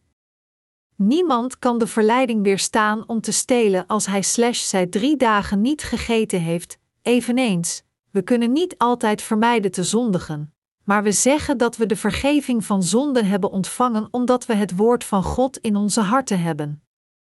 Dit is waarom 1 Petrus 3 uur 21 zegt: Als tegenbeeld daarvan redt u thans de doop, die niet is een afleggen van lichamelijke onreinheid, maar een bede van een goed geweten tot God, door de opstanding van Jezus Christus, en 1 Petrus 1 uur 23 zegt: Als wedergeboren, en niet uit vergankelijk, maar uit onvergankelijk zaad, door het levende en blijvende woord van God. Voor God veroordeelt de Heilige Geest mensen van zonden, rechtvaardigheid en oordeelt. We zijn gered van onze zonden door te geloven in het ware evangelie gegeven door Jezus Christus. Wij geloven dat Jezus doopsel en zijn kruisiging de liefde zijn van God dat ons zondaars gered heeft. En veel mensen moeten het eeuwige leven ontvangen door te geloven in de zaligmaking van Jezus, die de rechter is, hen gegeven heeft. Preek 6 De Heilige Geest. Dan zult u de gave van de Heilige Geest ontvangen. Handelingen 2 uur 38. En Petrus antwoordde hun: Bekeert u en een ieder van u laten zich dopen op de naam van Jezus Christus, tot vergeving van uw zonden, en gij zult de gave des Heiligen Geestes ontvangen. Ontvangen mensen de Heilige Geest door berouw? Wat is het meest krachtige Bijbelse berouw? Het is om de vergeving van iemands zonde door te geloven in het woord en het water en bloed van Jezus. Niemand kan de vergeving van zonden ontvangen en zondeloos worden voor God door hun toegewijde gebeden van berouw. Bovendien, het is zelfs verre van dat zij de Heilige Geest ontvangen door dit te doen. De vergeving van zonden en de Heilige Geest ontvangen is alleen mogelijk voor diegenen die weten en geloven in de waarheid van het doopsel en bloed van Jezus. De Geest van God komt als een geschenk aan diegenen die de vergeving van zonden hebben ontvangen. De komst van de Heilige Geest aan diegenen die geloven in Jezus is rechtstreeks verwant met de vergeving van zonden gegeven door Jezus. Handelingen 2 uur 38 zegt: Bekeert u en een ieder van u laten zich dopen op de naam van Jezus Christus, tot vergeving van uw zonden, en gij zult de gave des Heiligen Geestes ontvangen. Dit geschenk wordt gegeven aan u en aan uw kinderen, en aan iedereen die ver weg zijn, en zoveel als de Heer onze God zal roepen. Handelingen 2 uur 39. Wat kritisch in deze passage is, is het verwantschap tussen geestelijke reiniging van zonde en de zegening van het ontvangen van de Heilige Geest. God de Vader maakte dat zijn zoon de zonde van de wereld accepteerde die aan hem werden doorgegeven, en het is door dit te geloven dat we de vergeving van zonde ontvangen, en als een gezegend resultaat van dit, ontvangen we de Geest van God als een geschenk. Heeft u de Heilige Geest ontvangen met een dergelijk geloof? Op de eerste Pinksterdag preekte de apostel Petrus aan diegenen die zich om hem heen hadden verzameld dat de opstanding van de Heer Jezus de Verlosser was van elk van hun. Geef aandacht aan het feit dat zij Joden waren, die zich goed bewust waren van het offersysteem van het Oude Testament. En de meeste van hen hadden misschien de kruisiging van Jezus twee maanden eerder gezien. Daarom, konden zij makkelijk geloof hebben in het evangelie van het water en de geest toen zij werden verlicht door de korte preek die Petrus gaf. Na het horen van deze lering, berouwden en beleidden zij Jezus als hun verlosser. Zij alle geloofden in Jezus' doopsel en zijn dood aan het kruis, werden gereinigd van al hun zonden en kwamen om de Heilige Geest te ontvangen. Dan doopte Petrus diegenen die geloofden. Bovendien van hier af aan, zover als de Heilige Geest was bezorgd, het bevel om te wachten op hem werd niet langer herhaald aan diegenen die vergeving van zonden hebben ontvangen. Na de eerste Pinksterdag was het ontvangen van de Heilige Geest als resultaat van het geloven in Jezus niet langer een onvervreemdbaar erfgoed waarop men moest wachten, veeleer, als mensen geloven in het doopsel van Jezus en het bloed aan het kruis als hun vergeving van zonden, dan ontvingen zij de Heilige Geest op het moment dat zij zo geloofden. De passage van vandaag ondersteunt duidelijk dat het geloof dat gelooft in het doopsel van Jezus en het bloed aan het kruis de toestand is om de Heilige Geest te ontvangen na de gebeurtenis op Pinksterdag. Door herhaaldelijk de simpele waarheid te bevestigen dat de vergeving van zonden werd vervuld door het doopsel van Jezus, concludeerde Petrus dat de Heilige Geest werd gegeven als een geschenk aan wie dan ook geloofde in zijn woord van het evangelie van het water en de geest, zeggend: Voor u is de belofte en voor uw kinderen en voor alle die verre zijn, zoveel als de Hier, onze God, ertoe roepen zal. Handelingen 2 uur 39. We mogen de hoofdstroming sinds de Heilige Geest voor het eerst werd genoemd niet missen in Handelingen 1. Het doopsel dat Jezus ontving is het doopsel dat al de zonden van de wereld vergeeft. De enigste voorwaarde van deze belofte in de Bijbel is te geloven in het doopsel die Jezus Christus ontving, het bloed aan het kruis, zijn dood en opstanding. Het is aan diegenen die geloven in dit dat God het voor hen mogelijk maakte om de Heilige Geest te ontvangen. Het verwantschap tussen het geloof in Jezus doopsel en Gods geschenk van de Heilige Geest is zodanig dat de Heilige Geest is gegeven aan diegenen die zijn gewassen van hun zonde door te geloven in het doopsel en vloed van Jezus.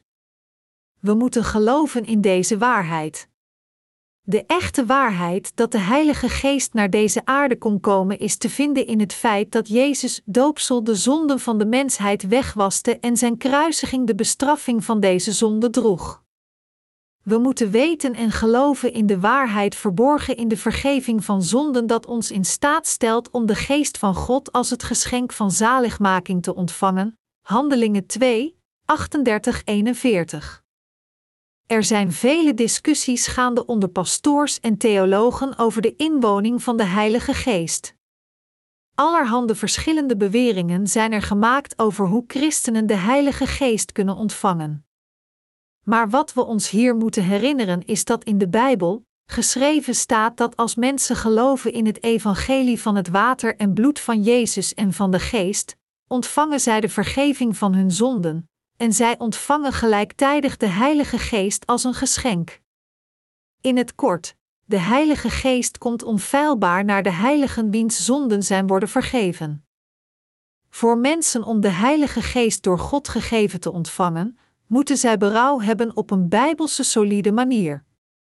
Het ware berouw is voor mensen zich te bekeren van afwijzing voor Gods onvoorwaardelijke liefde jegens hen. Het is, met andere woorden, het weggooien van alle rommel dat in de weg stond van het ware evangelie, en te geloven in het evangelie van het water en de geest in uw hart. Alleen dan kunnen ze de Heilige Geest als een geschenk ontvangen. Het berouw met welke we de Heilige Geest kunnen ontvangen is voor ons om ons te bekeren van ongeloof naar geloof in het evangelie dat ons in staat stelt om de Heilige Geest te ontvangen. Iedereen, gaat door op zijn slash haar eigen weg en heeft tegen God gestaan. Zij aanbeden allemaal schepsels als hun goden. Toen Jezus Christus, ondanks dit, hen van hun redden met het water en het bloed, ver weg van in hem te geloven, stonden zij wantrouwig tegenover het evangelie dat hen in staat stelt de Heilige Geest te ontvangen. In geval van de meeste christenen, het ware berouw voor God betekent ook zich te bekeren naar het ware evangelie dat hen in staat stelt om wedergeboren te worden uit het water en de geest, zich afkerend van hun geloof dat alleen gelooft in het bloed aan het kruis. Dit is het ware berouw waar de Bijbel over spreekt. De Bijbel vertelt ons: Komt dan tot berouw en bekering, opdat uw zonden uitgedelgd worden, opdat er tijden van verrademing mogen komen van het aangezicht des Heren, Handelingen 3 uur 19. Evenzo, de weg voor het verstand van mensen om te worden verfrist is te geloven dat Jezus hen hun de vergeving van zonden door zijn doopsel heeft gegeven, met welke hij de ongerechtigheid van zondaars accepteerde en het bloed dat hij vergoot aan het kruis. Om de Heilige Geest te ontvangen, moeten al onze zonden worden doorgegeven aan Jezus door te geloven in Hem en we moeten geen zonde meer hebben. En in onze harten moeten we geloven in het woord dat Jezus ons de zaligmaking heeft gegeven door onze zonden op zichzelf te nemen, te sterven aan het kruis, en daarbij plaatsvervangend al onze veroordeling in onze plaats droeg. Dit geloof is het juiste geloof van waar berouw. De Heilige Geest is de derde persoon van de drie-eenheid Gods. De Zoon, de Vader en de Heilige Geest zijn allemaal een goden voor ons die geloven in Jezus. Ondanks dat zij elk een verschillend persoon zijn, zijn zij desalniettemin dezelfde enige God voor ons die geloven in Jezus. Omdat de drie-eenheid God dezelfde God voor ons is, elk van de drie-eenheid God plande samen om ons van de zonde van de wereld te redden. En ieder van hen werkt in hun toegewezen ambt.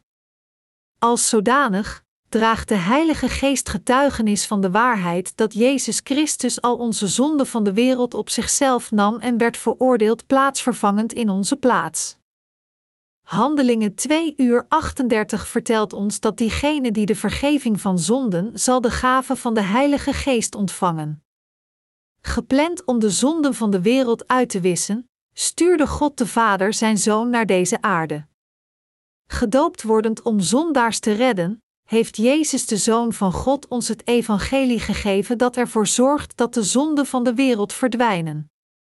En nu aan diegenen die geloven, maakte Hij dat de Heilige Geest in hun harten woont als God. Diegenen die de gave van de Heilige Geest hebben ontvangen, zijn degenen die zijn gered van de zonde van de wereld. Zulke mensen zijn Gods kinderen. Zij zijn degenen die de Heilige Geest hebben. Als zodanig, om de Heilige Geest te ontvangen, moet iemand zich als eerste afkeren van zijn slash haar eigen koppigheid dat tussen de waarheid instond. En, als tweede, moet hij slash zij zeer zeker geloven in het doopsel en bloed van Jezus als zijn slash haar eigen zaligmaking. Waarom behandelt de Bijbel het doopsel van Jezus met zo'n gewicht? Omdat het doopsel dat Jezus ontving absoluut noodzakelijk was om onze zonden uit te wissen. Het was omdat Jezus al onze zonden die aan hem waren doorgegeven had geaccepteerd door zijn doopsel voordat hij onderworpen werd aan de bestraffing van de kruisiging, zodat hij kon sterven in onze plaats. In het kort, het doopsel dat Jezus ontving is belangrijk omdat hij door dit de zonde van de wereld op zich nam. Omdat het doopsel van Jezus het doopsel van de zuivering van zonde is, erin geloven is zeker noodzakelijk om de Heilige Geest te ontvangen, en het vormt het evangelie dat ons in staat stelt Hem te ontvangen. Dit is waarom Jezus doopsel zo belangrijk is. De Heilige Geest komt naar ons omdat we de reden begrijpen waarom Jezus werd gedoopt en we geloven erin. Om onze harten zondeloos te maken, moeten we luisteren naar het woord van het doopsel dat Jezus ontving en van het bloed dat Hij vergoot aan het kruis. Alleen dan kunnen we de Heilige Geest ontvangen gegeven door de Heer. We moeten ons realiseren waarom Jezus, gekomen naar deze aarde, moest worden gedoopt. Alleen als we dit weten en dan geloven in het bloed van het kruis, kunnen we zondeloze harten hebben. Omdat Jezus naar deze aarde kwam en de zonde van de wereld wegwaste door te worden gedoopt, als een gevolg van dit kon Hij al de lonen van onze zonde aan het kruis met zijn bloed betalen. Dit is waarom we in onze harten moeten geloven in het doopsel van Jezus en het bloed aan het kruis. Alleen dan kunnen we het geschenk van de Heilige Geest in ons geloof ontvangen dat gelooft in het evangelie van het water en de geest.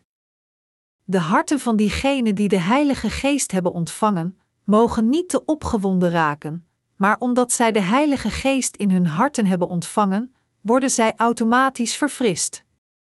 Als zodanig, de harten van diegenen die de vergeving van zonden hebben ontvangen zijn altijd vreugdevol. De harten van diegenen die correct berouwen zijn verfrist, voor hun onfeilbaarheid ontvingen zij de gave van de Heilige Geest op hetzelfde moment toen zij de vergeving van hun zonde ontvingen. En diegenen die wedergeboren zijn ontvangen hun doopsel zonder aarzeling als een teken van geloof dat Jezus hen heeft gered van al hun zonden door het woord van het water en het bloed. De Bijbel vertelt ons dat de mensen die werden verteld over Jezus door een soort van berouw gingen dat hen in staat stelde om zondeloos te worden. Bent u door dit berouw gegaan, die ene die ons in staat stelt om de vergeving van onze zonden en de Heilige Geest te ontvangen? Preek 7, de Heilige Geest. De Heilige Geest kwam over de niet-Joden. Handelingen 10, 44-48. Terwijl Petrus deze woorden nog sprak, viel de Heilige Geest op alle die het woord hoorden.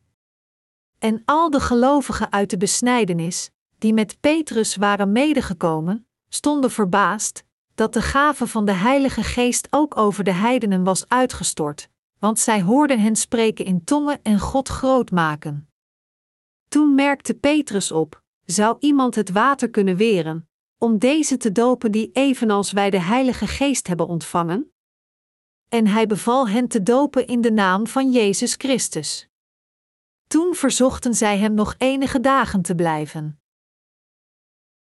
De bijbelse gebeurtenissen die Cornelius omringden zorgden voor het antwoord op de vraag: het zij of niet het is door het aanhouden van de wet dat iemand de Heilige Geest ontvangt. Zij tonen ons dat diegenen die de Heilige Geest van God ontvingen deze niet ontvingen door zich aan de wet te houden, maar door te geloven in het evangelie van het water en de geest. Dat de Heilige Geest neerdaalde op Cornelius en zijn huishouding toont ons dat dit fenomeen eveneens verwant is aan hun geloof in het doopsel en bloed van Jezus. Als zodanig, het geloof dat het voor alle mensen in de wereld mogelijk maakt om de Heilige Geest te ontvangen, was alleen het geloof dat het voor deze mensen mogelijk maakte om de vergeving van hun zonde te ontvangen. Handelingen 11 uur 17 zegt eveneens: Indien nu God hun op volkomen gelijke wijze als ons de haaf heeft gegeven op het geloof in de Heer Jezus Christus, hoe zou ik dan bij machten geweest zijn God tegen te houden? Volgens het geloof van Petrus was het ontvangen van de Heilige Geest en het ontvangen van de vergeving van zonden hetzelfde. Daarom, het algemeen verspreide geloof in het hedendaagse christendom dat, het geloof dat mensen in staat stelt om de Heilige Geest te ontvangen zou kunnen worden verkregen door gebeden van berouw, is een door en door compleet vast geloof. Het is alleen door te geloven in het water en de Geest dat we de Heilige Geest ontvangen. Ziende de Heilige Geest afdalen op Cornelius en zijn familie, zei Petrus: Wie ben ik dat ik God kan weerstaan? Handelingen 11 uur 17. Dit betekent dat de Heilige Geest naar ons komt als een gevolg van het geloof in het doopsel dat Jezus ontving en in het kostbare bloed van het kruis. Handelingen 2 uur 39 zegt: Want voor u is de belofte en voor uw kinderen en voor alle die verre zijn zoveel als de Heer, onze God, ertoe roepen zal. Nu, mensen over de hele wereld in staat zijn om de gave van de Heilige Geest te ontvangen door het evangelie van het water en de geest te horen. Preek 8. De Heilige Geest. Test de geesten of ze echt van God afkomstig zijn. 2 Thessalonicensen 2, 7, 12. Want het geheimenis der wetteloosheid is reeds in werking. Wacht, slechts totdat hij, die op het ogenblik nog weerhoudt, verwijderd is. Dan zal de wetteloze zich openbaren, hem zal de Heer, Jezus, doden door de adem zijns monds en machteloos maken door zijn verschijning, als hij komt. Daarentegen is dienstkomst naar de werking des Satans met allerlei krachten, tekenen en bedrieglijke wonderen, en met allerlei verlokkende ongerechtigheid, voor hen die verloren gaan, omdat zij die liefde tot de waarheid niet aanvaard hebben, waardoor zij hadden kunnen behouden worden. En daarom zendt God hun een dwaling, die bewerkt dat zij de leugen geloven, opdat alle worden geoordeeld, die de waarheid niet geloofd hebben, doch een welgevallen hebben gehad in de ongerechtigheid. Vers 7 van de bovenstaande passage zegt: Want het geheimenis der wetteloosheid is reeds in werking, wacht, slechts totdat hij, die op het ogenblik nog weerhoudt, verwijderd is. Dit vertelt ons dat Satan het gezag van de duivel verspreidt door met zijn eigen macht te werken, niet de werken van de Heilige Geest, iets wat God niet wilt. Diegenen die zijn gegrepen door de wetteloosheid zijn, om het simpel te zeggen, diegenen die het geloof van heksen hebben en niet van christenen. Dit zijn diegenen die zichzelf alleen toewijden aan de gave van geestenbezwering, vreemde tongen, voorspelling en andere zulke werken. Ze plaatsen meer belang bij wat zij beweren te hebben gezien, of welke geestelijke krachten zij beweren te hebben ontvangen. Maar God heeft gezegd dat Hij zulke werken zou beëindigen die de waarheid blokkeren. 2 Thessalonicensen 2, 19 zegt: Daarentegen is diens komst naar de werking des Satans met allerlei krachten, tekenen en bedrieglijke wonderen, en met allerlei verlokkende ongerechtigheid, voor hen die verloren gaan, omdat zij die liefde tot de waarheid niet aanvaard hebben, waardoor zij hadden kunnen behouden worden. De werken van Satan worden geopenbaard, bijvoorbeeld onder diegenen die beweren dat ze de macht hebben om te genezen. Sommige christenen, inclusief pastoors, kerkfunctionarissen en leken, gaan naar verschillende soorten van bijeenkomsten om hun leegte van macht te vullen, door speciale bergbidbijeenkomsten tot speciale charismatische bijeenkomsten en speciale bijeenkomsten van handeloplegging. Zulke mensen klampen zich vurig aan God vast, jammerend en vasten voor Hem. Hun doel is het om hun ambt goedgekeurd te krijgen door mensen, gelovend dat het juiste ambt alleen verkregen kan worden als het wordt begeleid door een soort van charismatische kracht dat wordt getoond in de Bijbel. Maar als mensen dus wanhopig proberen om te worden bekleed door Gods kracht, verschijnt de duivel als Jezus en geeft hen zijn satanische macht.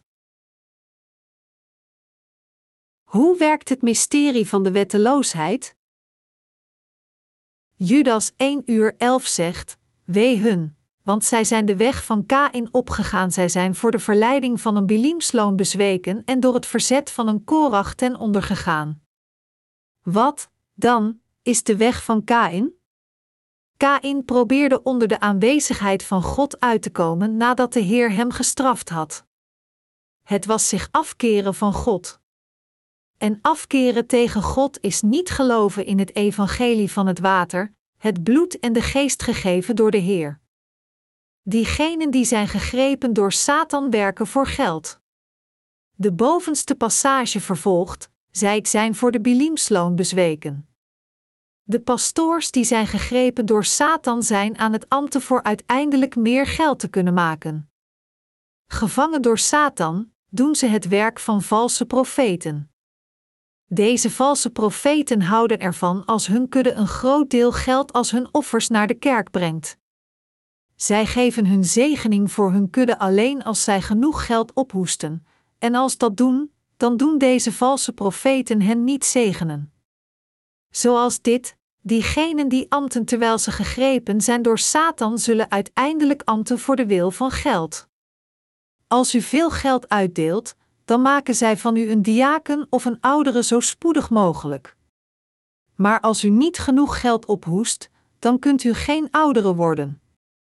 De mensen naar wie deze bovenste passage verwijst werken alleen voor geld. Wie waren zij?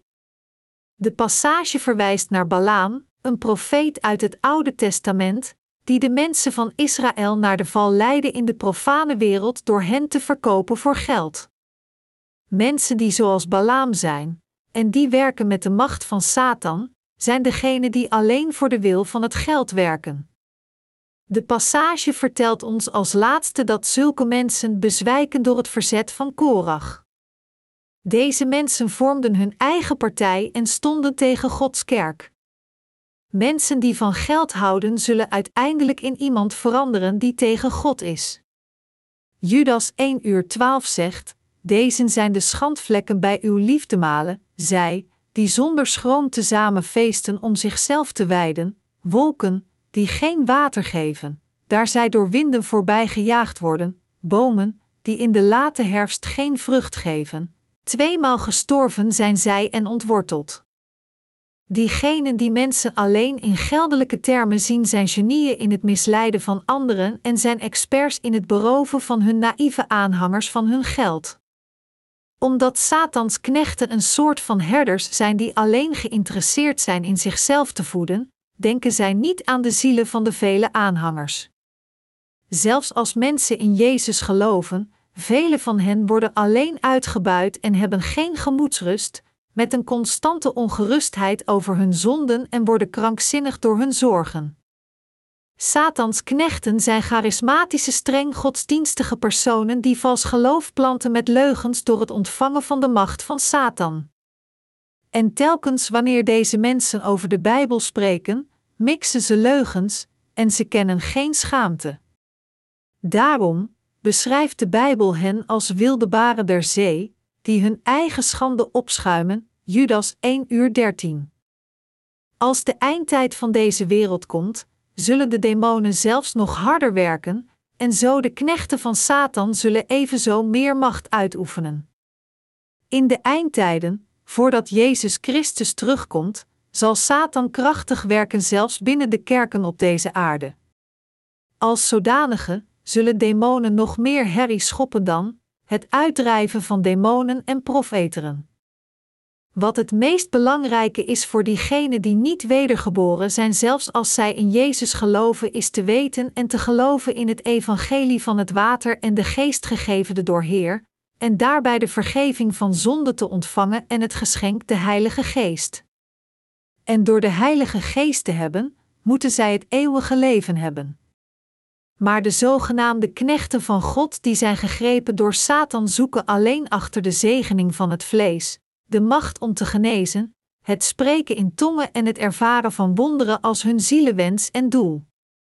Dit is waarom mensen altijd vooraan staan voor vreemde ervaringen gegeven door Satan.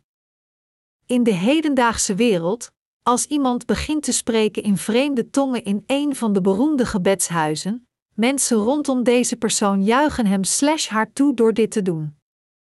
En diegenen die niet in staat zijn om in vreemde tongen te spreken, worden speciaal bijeengebracht in een kamer waardoor een leraar krijgen geleerd hoe in tongen te spreken, herhalend: Lululuja, Lululuja, Halleluja.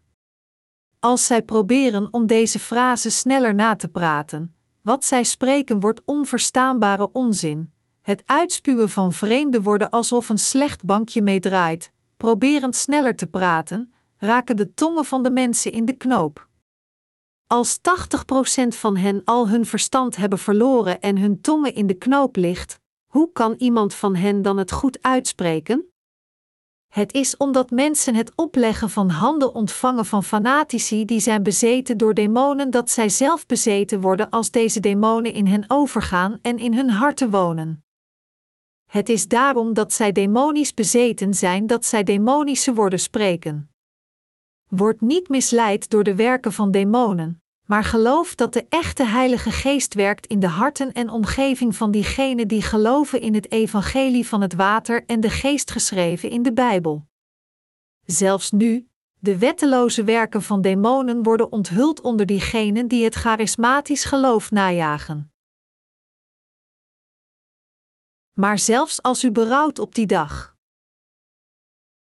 Matthäus 7, 22, 23 zegt eveneens: Velen zullen te dien dagen tot mij zeggen: Hier, hier, hebben wij niet in uw naam geprofeteerd en in uw naam boze geesten uitgedreven en in uw naam vele krachten gedaan?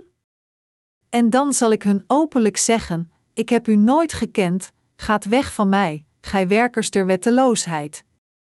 Vele mensen geloven dat handelen als een profeet in de naam van de Heer, het uitdrijven van demonen en wonderen verlichten in zijn naam de werken van God en de Heilige Geest zijn. Er zijn mensen in het hedendaagse christendom die beweren dat het uitdrijven van demonen het werk is van de Heilige Geest, want vele mensen geloven dat als wonderen werden gebracht om te dragen door enkele predikanten, geloven zij allemaal dat het werken zijn van de Heilige Geest. Maar het woord zegt dat zulke werken niet de werken van de Heilige Geest zijn. Het vermeldt duidelijk dat zo'n macht van demonen uitdrijven, tekens, wonderen en wonderen verrichten de werken zijn van Satan. Ondanks dit geloven mensen dat dit de werken van de Heilige Geest zijn. Satans werken komen naar diegenen die worden vernietigd, en mensen die zulke tekens en wonderen vervolgen kunnen niet worden gered. Daarom waarschuwt de Bijbel ons, zeggend: Geliefden, vertrouw niet iedere geest, maar beproef de geesten, of zij uit God zijn, want vele valse profeten zijn in de wereld uitgegaan. 1 Johannes 4, 1. Preek 9 De Heilige Geest. De Geest vervult het leven. Efeziërs 6, 10, 17. Voorts, weest krachtig in de Heer en in de sterkte zijner macht. Doet de wapenrusting Gods aan, om te kunnen standhouden tegen de verleidingen des duivels, want wij hebben niet te worstelen tegen bloed en vlees, maar tegen de overheden, tegen de machten, tegen de wereldbeheersers deze duisternis, tegen de boze geesten in de hemelse gewesten. Neemt daarom de wapenrusting Gods, om weerstand te kunnen bieden in de boze dag en om, uw taak geheel vervuld hebbende, stand te houden. Stelt u dan op, uw lendenen omgord met de waarheid, bekleed met het panzer der gerechtigheid, de voeten geschoeid met de bereidvaardigheid van het evangelie des vredes, neemt bij dit alles het schild des geloofs ter hand, waarmede bij al de brandende pijlen van de boze zult kunnen doven, en neemt de helm des heils aan en het zwaard des geestes, dat is het woord van God. Om te worden vervuld met de Heilige Geest, Efeziërs 5, 16, 18 vertelt ons: Maak u de gelegenheid ten nutte, want de dagen zijn kwaad. Wees daarom niet onverstandig, maar tracht te verstaan wat de wil des Heren is. En bedrinkt u niet aan wijn, waarin bandeloosheid is, maar wordt vervuld met de Geest. Voor mensen om te worden vervuld met de Heilige Geest, moeten zij als eerste geloven in het evangelie van het water en de geest en voor dit evangelie leven. De reden voor dit is omdat iemand eerst de vergeving van zonden moet hebben ontvangen voordat de Heilige Geest kan wonen in zijn slash haar hart, en iemand moet de Heilige Geest hebben ontvangen voor hij slash zij kan worden vervuld met hem. Met andere woorden, de eerste prioriteit voor ons is om zondeloos in onze harten te worden door met hart en ziel te geloven in het evangelie van het water en de geest. Ten tweede moeten we onze tijd inlossen, want alleen diegenen die de tijd inlossen kunnen het evangelie gelovig dienen en een leven, leven geleid door de geest. De tijd wacht niet voor altijd op ons. Een week gaat voorbij in een oogwenk. Naar bed gaand zondagavond na de kerkdienst, worden we maandagochtend wakker. We praten met iemand aan de telefoon en ontmoeten iemand, en de hele dag is alweer voorbij. En als we denken dat het dinsdag is, zijn we alweer in woensdag.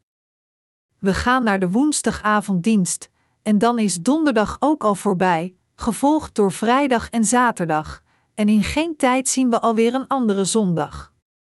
Als zodanig, het zijn alleen diegenen die hun tijd inlossen en gelovig de werken van het evangelie dienen, die worden vervuld met de Heilige Geest. Ten derde, diegenen die precies weten wat de wil van de Heer is en deze wil dienen, zijn vervuld met de Geest. Waarom? Omdat alleen als we precies weten wat de wil van God in deze eeuw is, kunnen we uiteindelijk Zijn wil ons doel maken en Zijn werk doen. We kunnen de werken van de Heer doen geleid door de Heilige Geest als we zijn verenigd met de Heer. Als we leven zonder te weten wat de wil van de Heer is, dan kunnen we het niet vermijden, maar leven een dwaas leven. Als zodanig, om te worden vervuld met de Heilige Geest, moeten we duidelijk de wil van God kennen. Ten vierde, we moeten ons best doen om samen te komen. We kunnen worden vervuld met de Geest alleen als we ons best doen om samen te komen in Gods kerk, loof de Heer en bedank God altijd in de naam van de Heer. Maar diegenen die nog luisteren naar het woord van God nog dank geven en Hem loven voor de zaligmaking en de werken die Heer heeft gegeven, zij kunnen niet worden vervuld door de Heilige Geest. Degenen die kunnen worden vervuld met de Geest zijn alleen diegenen die altijd leven, danken en ons best doen om samen te komen in de naam van Jezus Christus, als ook te geloven in Gods wil en woord geopenbaard in Zijn kerk. Om te worden vervuld met de Heilige Geest, moeten we niet onze tijd van samenkomst missen. Als we het woord horen, is het belangrijk voor ons om het te horen met onze oprechte harten, niet alleen met onze oren. En het is weer belangrijk dat we onze levens leiden van geloof met onze harten. Wat we doen zonder onze harten heeft niets te maken met de Heer. Mensen kijken immers naar het uiterlijk, maar ik kijk naar het hart. 1 Samuel 16, 7. Als zodanig, diegenen die luisteren naar het woord met hun harten kunnen waarlijk amen zeggen en dankbaar zijn. Evenzo, omdat zij kunnen mediteren over het woord dat zij hoorden, zij kunnen worden vervuld met de geest. Echter, diegenen die niet zijn woord met hun harten ontvangen, zelfs als ze hetzelfde woord hoorden in dezelfde bijeenkomst, zij kunnen niet amen zeggen en dankbaar zijn. De Heilige Geest is blij met al onze verering, lofspraak en gebeden die zijn gegeven door God met onze oprechter harten. Voor ons om te worden vervuld met de Heilige Geest is er geen woordelijke kortere weg. De enigste korte weg is alleen te geloven in het woord van God en het in onze harten te accepteren. Dit is waarom we onze samenkomsten moeten koesteren en we moeten ze niet lichtelijk beschouwen.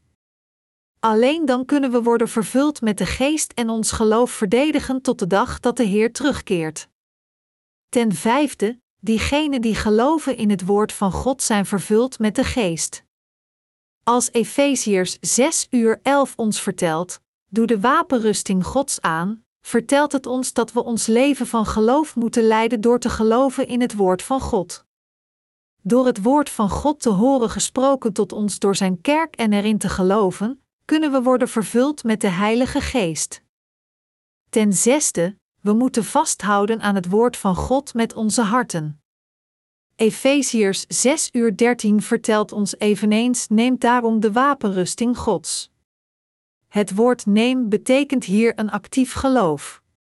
Met andere woorden, het is het geschreven woord van de Bijbel te lezen en het standvastig vast te houden in onze harten tot wat we hebben gelezen. De 66 boeken van de Bijbel zijn vervuld met het woord van God. Maar hoe overvloedig het woord ook is, als we er niet aan vasthouden, dan kan er geen volheid van de geest zijn. Ongeacht hoe goed we de kerk bezoeken en het woord horen, er zijn vele momenten dat we spiritueel moe worden, leeg en vermoeid.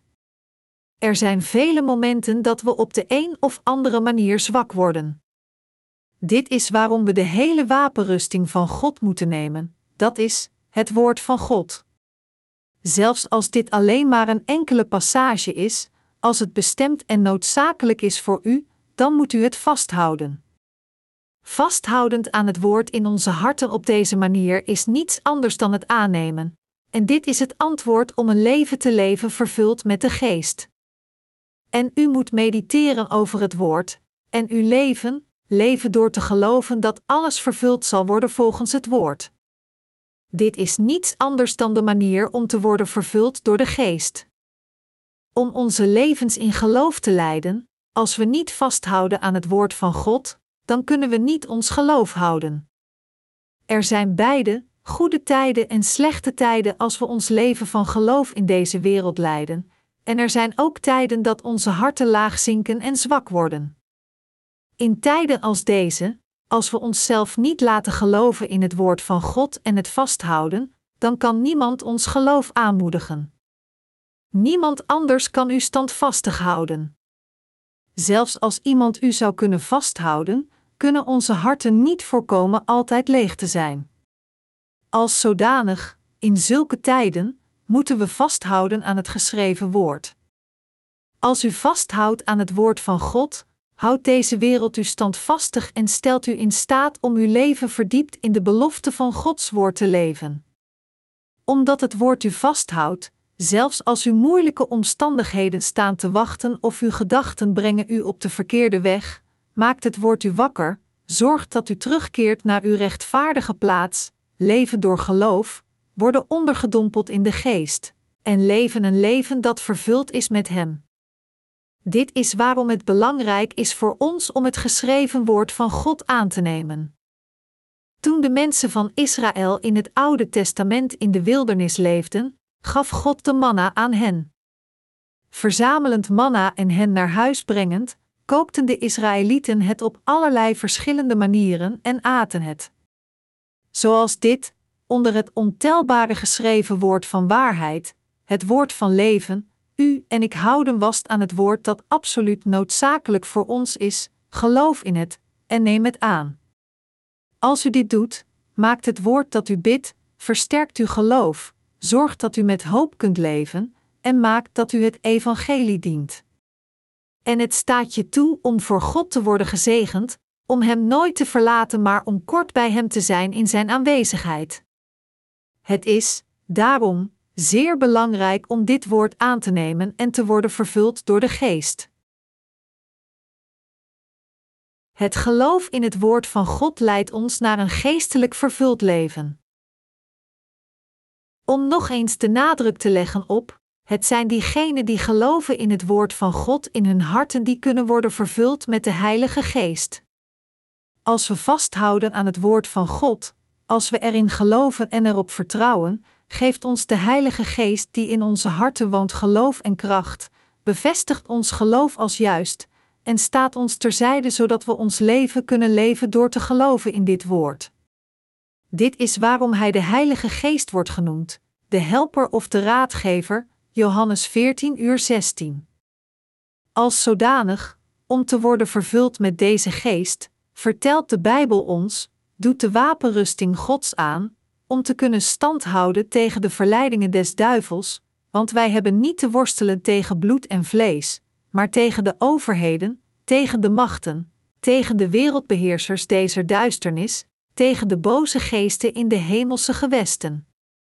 Neemt daarom de wapenrusting Gods, om weerstand te kunnen bieden in de boze dag en om, uw taak geheel vervuld hebbende, stand te houden. Stelt u dan op, uw lendenen omgord met de waarheid, bekleed met het panster der gerechtigheid, de voeten geschoeid met de bereidvaardigheid van het evangelie des vredes, neemt bij dit alles het schild des geloofs ter hand, waarmede gij al de brandende pijlen van de boze zult kunnen doven, neemt de helm des heils aan en het zwaard des geestes, dat is het woord van God. Ongeacht hoe zwak uw geloof is en wat uw omstandigheden zijn, als u alleen gelooft in het woord van God en vasthoudt aan dit woord, werkt de Heilige Geest krachtig in uw levens en verandert u in mensen van geloof. En als u standvastig vasthoudt aan het woord van God, versterkt de Heilige Geest u en stelt u daarbij in staat om Satan te overkomen. Hij staat u toe om weerstand te bieden tegen Satan met uw geloof en verandert uw omgeving. Als u vasthoudt aan het woord van God, laat de Heilige Geest u bidden, versterkt u, stelt u in staat om tegenstand te bieden aan de duivel als hij u aanvalt, en machtigt u om ieder ongeloof te verwerpen als deze ontstaan in uw hart. Evenzo, laat dit woord u zich afkeren van fouten in uw geloof, en het maakt geloofsmensen van u die een rotsvast geloof hebben in het woord van God. Geloven in en dit woord aannemen is absoluut noodzakelijk voor u om te worden vervuld met de geest. Als u nog gelooft in nog het woord aanneemt, maar alleen blindelings bidt om te worden vervuld met de geest, u kunt nooit op deze manier worden vervuld door de geest. U moet zeer zeker vasthouden aan het woord en het aannemen. Alleen na dit te doen kunt u worden vervuld met de geest door in hem te bidden. Door te kijken naar deze dingen, kunnen we ons realiseren dat worden vervuld met de geest alleen kan gebeuren door te geloven in en het aannemen van het woord van God, onderkennen wat de wil van de Heer is en deze wil te volgen door te bidden en de tijd in te lossen, samenwerken aan de bijeenkomsten in Gods kerk, de Heer dienen en het evangelie verspreiden. De Heilige Geest, natuurlijk, helpt ons altijd en werkt door in onze levens, maar afhankelijk of we geloven in het woord of niet, en of we vasthouden aan het of niet, werkt de Heilige Geest ofwel krachtig of laat ons alleen aan onze eigen kracht. Als zodanig, om te worden vervuld met de Geest, moeten we nadenken over het woord dat ons vertelt dat de Heer ons gered heeft, en we moeten de vreugde van zaligmaking hebben door in dit woord te geloven. We moeten in onze harten geloven dat het verspreiden van dit evangelie de wil van de Heer is, en we moeten het preken en het dienen. Als u een ware rechtvaardige wedergeborene bent, dan moet u de ervaring hebben gehad van het worden geïnspireerd door de Heilige Geest tijdens het preken van het evangelie, het in staat zijn om precies de goede woorden te spreken en van uw harten te worden vervuld geestelijk. Als zodanig moeten we ons duidelijk realiseren dat we de volheid van de geest niet kunnen bereiken buiten het woord van God, de wil van de Heer en het leven in de kerk, en dat het ook niet kan worden verkregen door uw eigen pogingen. Zoekend om te worden vervuld met de geest, vele van de hedendaagse christenen nemen blindelings deel aan speciale bijeenkomsten, zogenaamde vertoevingsbijeenkomsten, en in zulke bijeenkomsten bidden zij, spreken in zogenaamde vreemde tongen door rare geluiden te maken, de Heers naam uit te schreeuwen, scanderen leuzen, en doen allerhande dingen om te proberen de Heilige Geest te ontvangen. Maar dit zijn allemaal dwaze en grondloze handelingen. De Heilige Geest is niet iemand die in uw harten komt alleen maar omdat wij Hem wanhopig daarom smeken. Integendeel, diegenen die dit zo leren en die proberen om te worden vervuld met de geest op deze manier eindigen daarmee dat ze worden vervuld in plaats daarvan met de duivel. Als we nadenken over, geloven in en het woord aannemen en de wil van de Heer die ons gered heeft, en als we het evangelie dienen, dan kunnen we uiteindelijk worden vervuld met de Heilige Geest.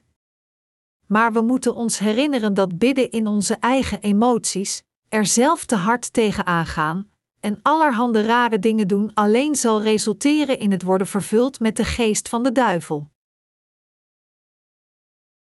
De volheid van de geest is waar. Door nu in de voorafgaande discussie hebben we wat de volheid van de geest is, en ik ben zeker dat u volledig begrip heeft over dit onderwerp. Als we een duidelijk, intellectueel gedegen begrip hebben over een geestelijk vervuld leven, dan nemen we het woord op in onze harten. We moeten iedere dag vasthouden aan het woord, zelfs als het alleen maar enkele passages zijn. En we moeten onszelf vragen welk deel van het woord noodzakelijk is voor onze huidige omstandigheden. Zoek voor zo'n woord en houd dan vast aan het woord in onze harten. Dit woord zal dan onze omstandigheden veranderen en onze harten transformeren.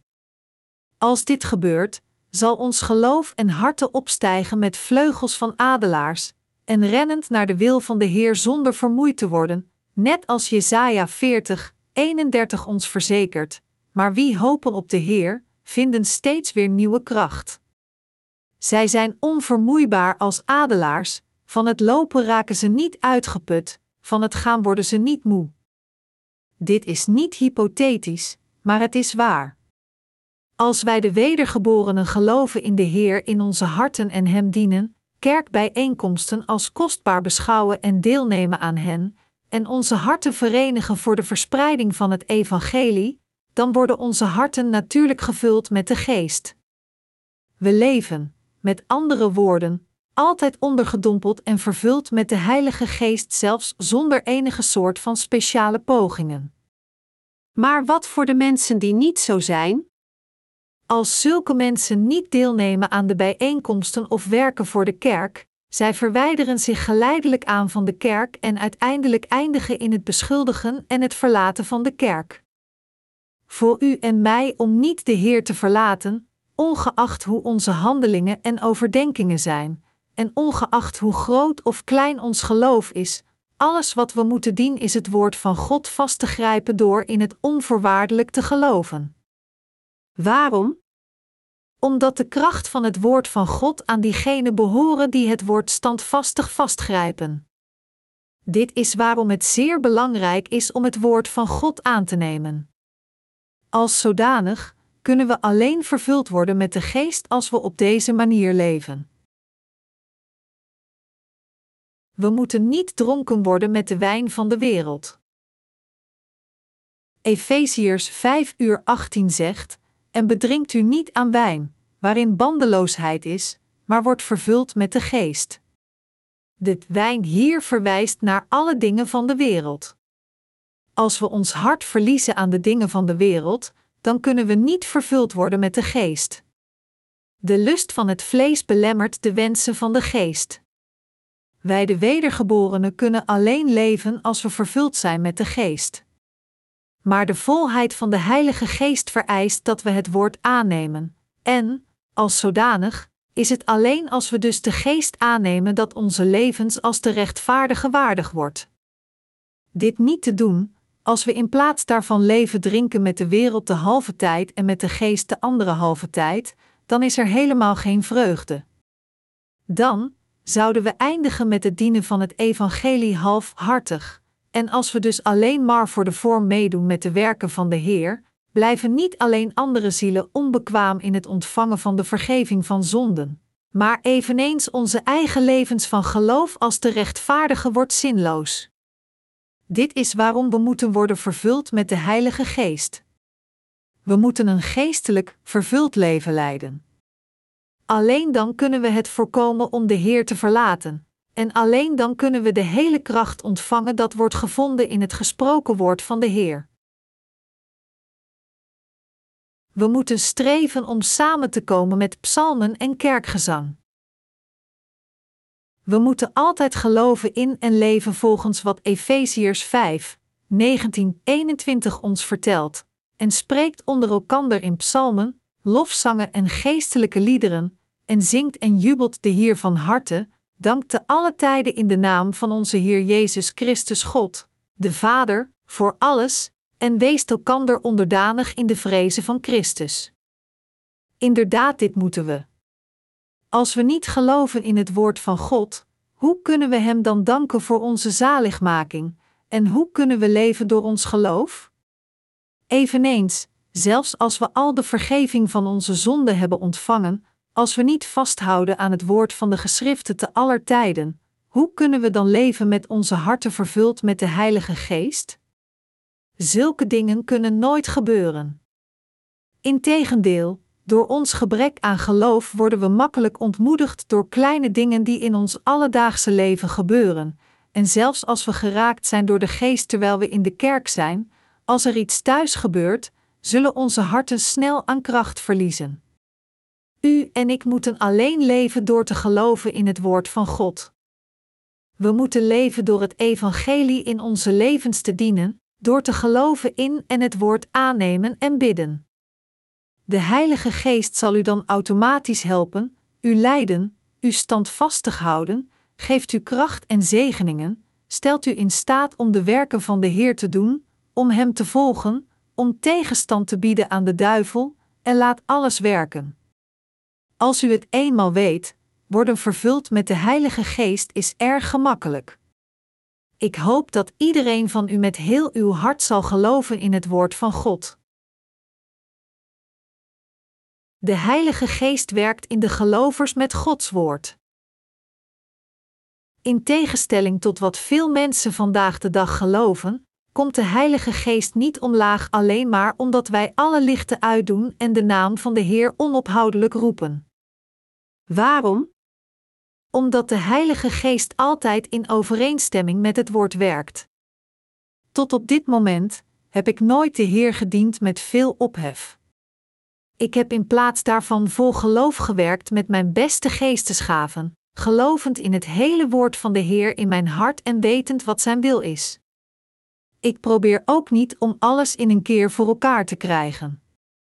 In plaats daarvan bid ik de hele tijd, raadpleeg ik andere dienaren van God en verenig ik mezelf met hen voor een doel, dat is, het ware evangelie te dienen. Als ik een beslissing neem, dan maak ik alle noodzakelijke voorbereidingen, en met mijn beste geestesgaven doe ik de werken van de Heer beetje bij beetje. In geen tijd, en zonder het te realiseren, zie ik dat veel dingen dan al zijn volbracht. Prekend het evangelie van het water en de geest is eveneens altijd op deze manier gebeurd, en de Heer heeft krachtig gewerkt in dit streven. De werken van de Heer zijn niet volbracht door de voorschriften van enkele emotionele gevoelens te volgen, maar zij zijn koel en rationeel uitgevoerd door het woord van God te volgen en in het te geloven in onze harten. Alles andere dat na dat komt, wordt dan verzorgd door de Heilige Geest. Als kinderen iets verkeerds doen, behandelen de ouders hun meestal koel totdat zij oprecht hun fouten toegeven. Als zelfs een menselijke ouder zo doet, zou dan God de Heilige Geest ons niet koelhartig berispen als we tegen de wil van God ingaan? Maar, als we snel berouw hebben van onze fouten, en God danken voor het perfect redden van ons zondaars, omarmt Hij en moedigt ons teder aan om Zijn wil te volgen. Wat moeten wij de geest vervulden doen?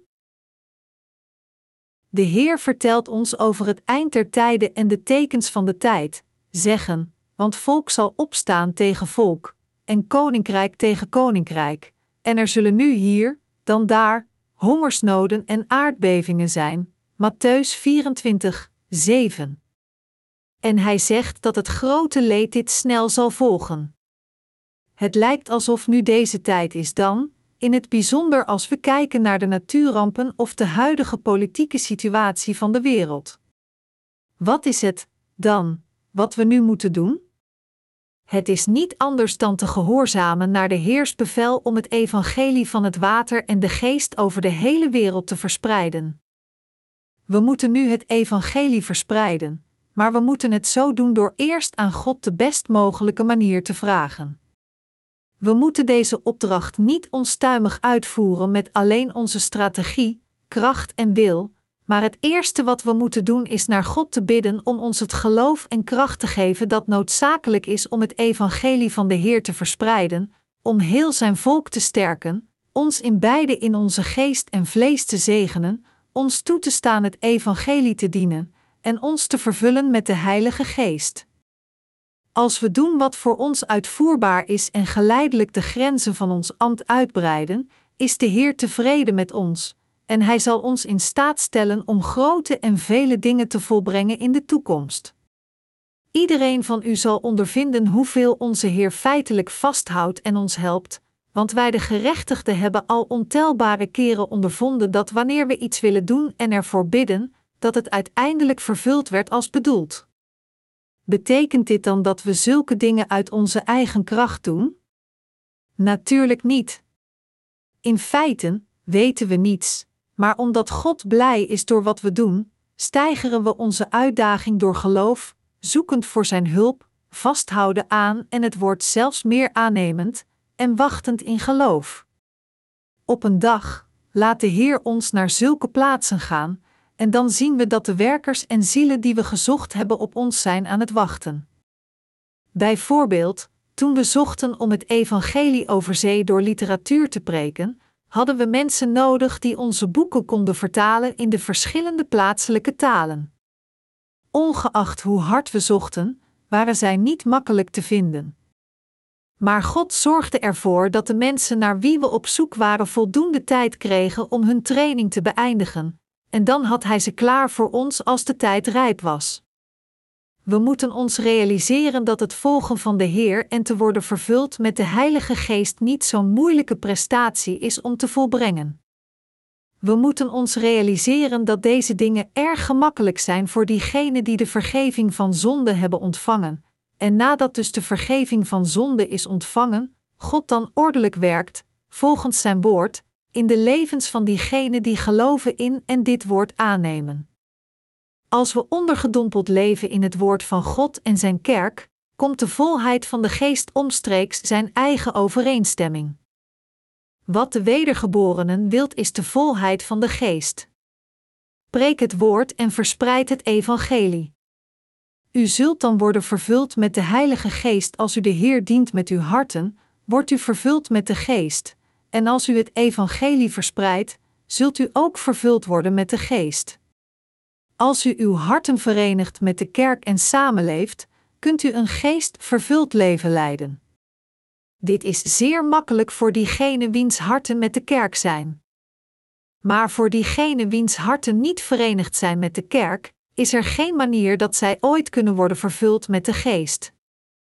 Zou de Heilige Geest komen zonder acht te slaan op het geschreven woord van God?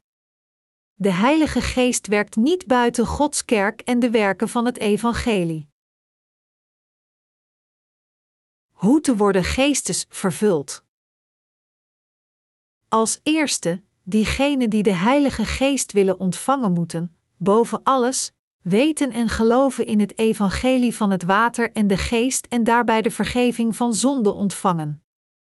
Ten tweede, ze hebben een duidelijk en toegewijd geloof in de waarheid nodig dat God de Heilige Geest alleen aan diegenen geeft die de vergeving van zonde hebben ontvangen, zelfs nu van of het apostolische tijdperk af aan, Handelingen 2 uur 38. Ten derde, hun harten moeten zich afkeren van de zonde van het niet geloven in het woord van de Bijbel en van hun ongeloof. Ten vierde, om de Heilige Geest ontvangen, moeten hun zielen worden geleerd met het concrete woord.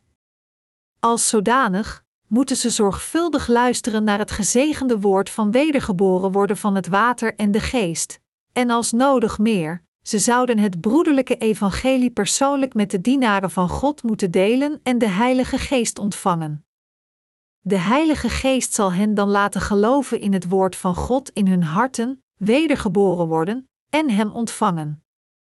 Maar als zij proberen om de Heilige Geest te ontvangen zonder enige onderscheiding door blindelings gegeven berouwgebeden of proberend om een leven te leven van zelfheiligheid, of als zij onvoorwaardelijk smachten naar de Heilige Geest en proberen om Hem door zelf, nadelig en fanatiek vasten of berggebeden te ontvangen, zullen zij uiteindelijk in grote verwarring terechtkomen. We moeten ons herinneren dat de geest van God niet wordt gegeven alleen maar omdat mensen Hem op hun eigen willen ontvangen, maar Hij komt alleen bij diegenen die klaar zijn om Hem te ontvangen. De Heilige Geest komt niet bij diegenen die berggebeden geven, deelnemen aan een charismatische bijeenkomst of alleen gaven najagen, alles op eigen houtje. Als u denkt dat u iets ontvangt verwant aan de gave van de Heilige Geest terwijl u deelneemt aan zulke bijeenkomsten of van uw eigen geloof, is er eerst iets anders waar u aan moet denken. En dit is of er al of niet zonden in uw harten zijn. Als er zonden in uw harten zijn, dan moet u zich realiseren dat wat u hebt ontvangen niet van de Heilige Geest is, maar van de duivel, en u moet het uitdrijven. We moeten ons eerst realiseren waar en in wie de Heilige Geest waarlijk werkt. Er is iets wat we niet moeten vergeten zoekend om de Heilige Geest te ontvangen. Dit is om gelijkwaardig in beide te geloven het doopsel van Jezus, Matthäus 3 uur 15, en zijn bloed aan het kruis. De Heilige Geest is onafhankelijk, maar hij komt alleen bij diegenen die geloven in het doopsel van Jezus Christus en het bloed aan het kruis als de vergeving van hun zonden. Als zodanig, de Heilige Geest komt bij en werkt in de levens van diegenen die geloven in het evangelie van het water en de geest als hun ware verlossing. De gaven van de Heilige Geest. Als we naar de Bijbel kijken, kunnen we zien dat de gaven van de Heilige Geest op verschillende plaatsen worden genoemd.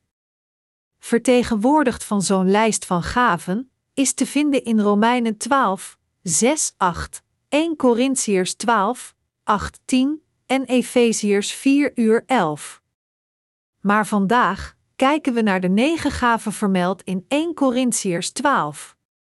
1. De gave van het woord van kennis, dit is de kennis van het mysterie van het evangelie van het water en de geest dat verborgen is, in overeenstemming tot de speciale voorzienigheid van God, in het woord van de Bijbel geschreven door de inspiratie van de Heilige Geest. De bekwaamheid om duidelijk uit te leggen en het verspreiden van het evangelie van het water en de geest is de ware gave van het woord van kennis. 2. De gave van het woord van wijsheid, de gave van het woord van wijsheid verwijst niet naar menselijke wijsheid, zoals iemands pinterheid of verstand. Deze gave van wijsheid is de gave om de verschillende punten gerezen bij de mensen op te lossen door het woord van de Bijbel met geloof te verklaren. 3. De gave van geloof. De gave van geloof is de gave van het hebben van actie gericht geloof in het woord. Deze soort van gave wordt gegeven als we het woord van God horen, en dan in dit woord geloven puur met geloof.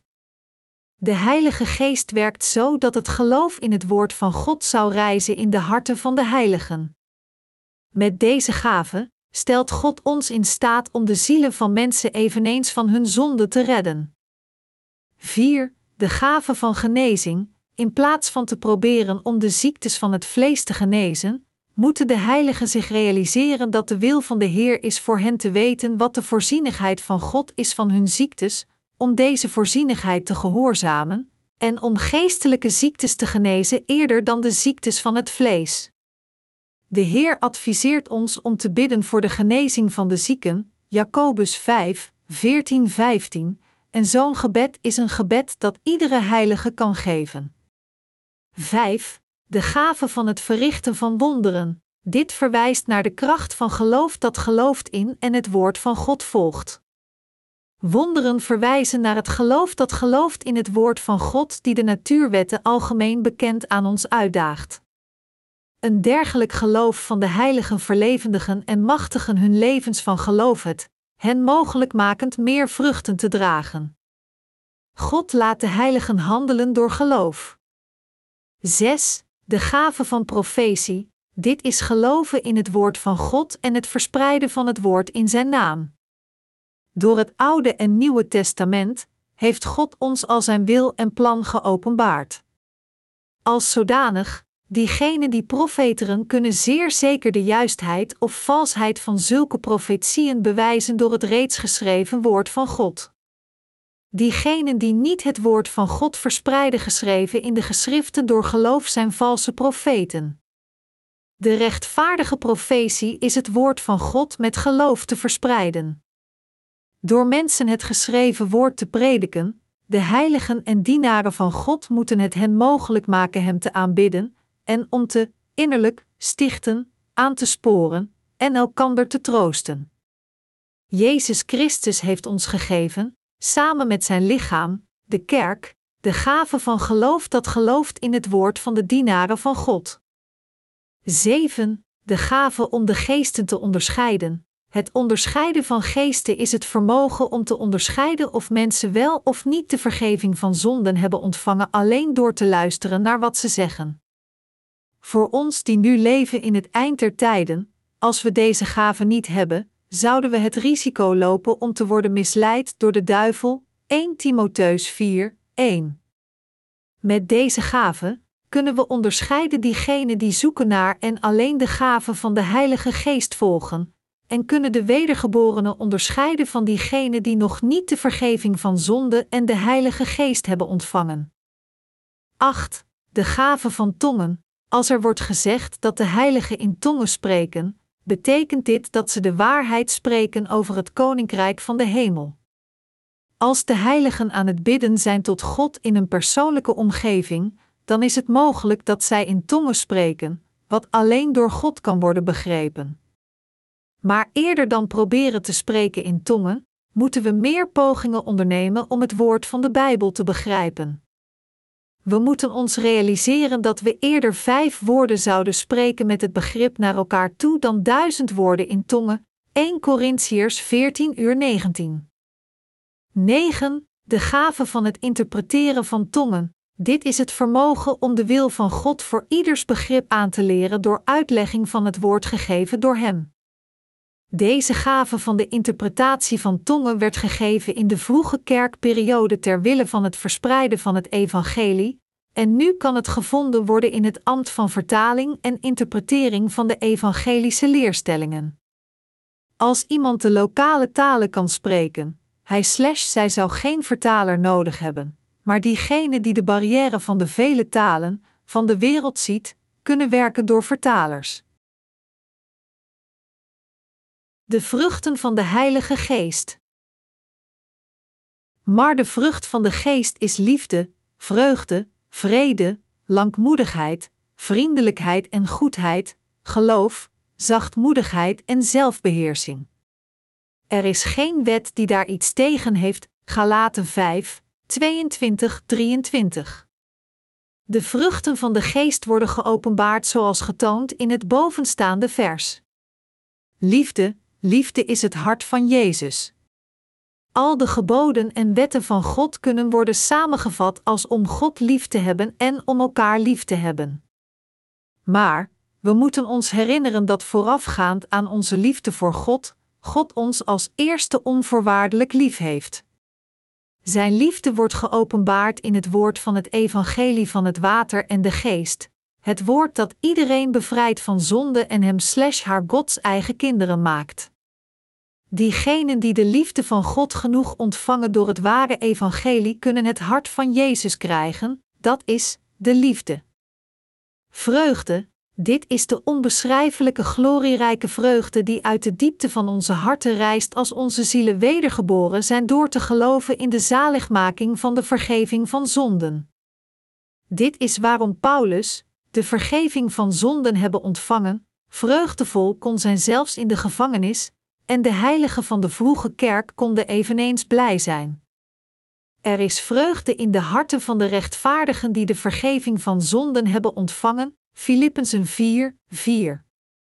Vrede, vrede vervult diegenen die vergeving van zonden hebben ontvangen, welke onoverwinnelijk is in elke omstandigheid. Er kan geen vrede in de harten van diegenen zijn die bang voor Gods oordeel van hun zonde zijn. Maar het is de rust van ons verstand dat we de vergeving van zonde voor eens en altijd hebben ontvangen, als wit als sneeuw, door te geloven in het evangelie van het water en de geest.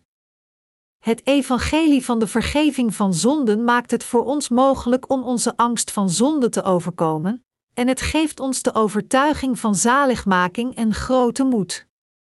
Eveneens, diegenen die vrede brengen zijn goedgekeurd als de kinderen van God, Matthäus 5, 9, geniet van de vreugde van het hebben ontvangen van de vergeving van zonden, Spreuken 12 uur 20, en leven rechtvaardig leven, Jacobus 3 uur 18.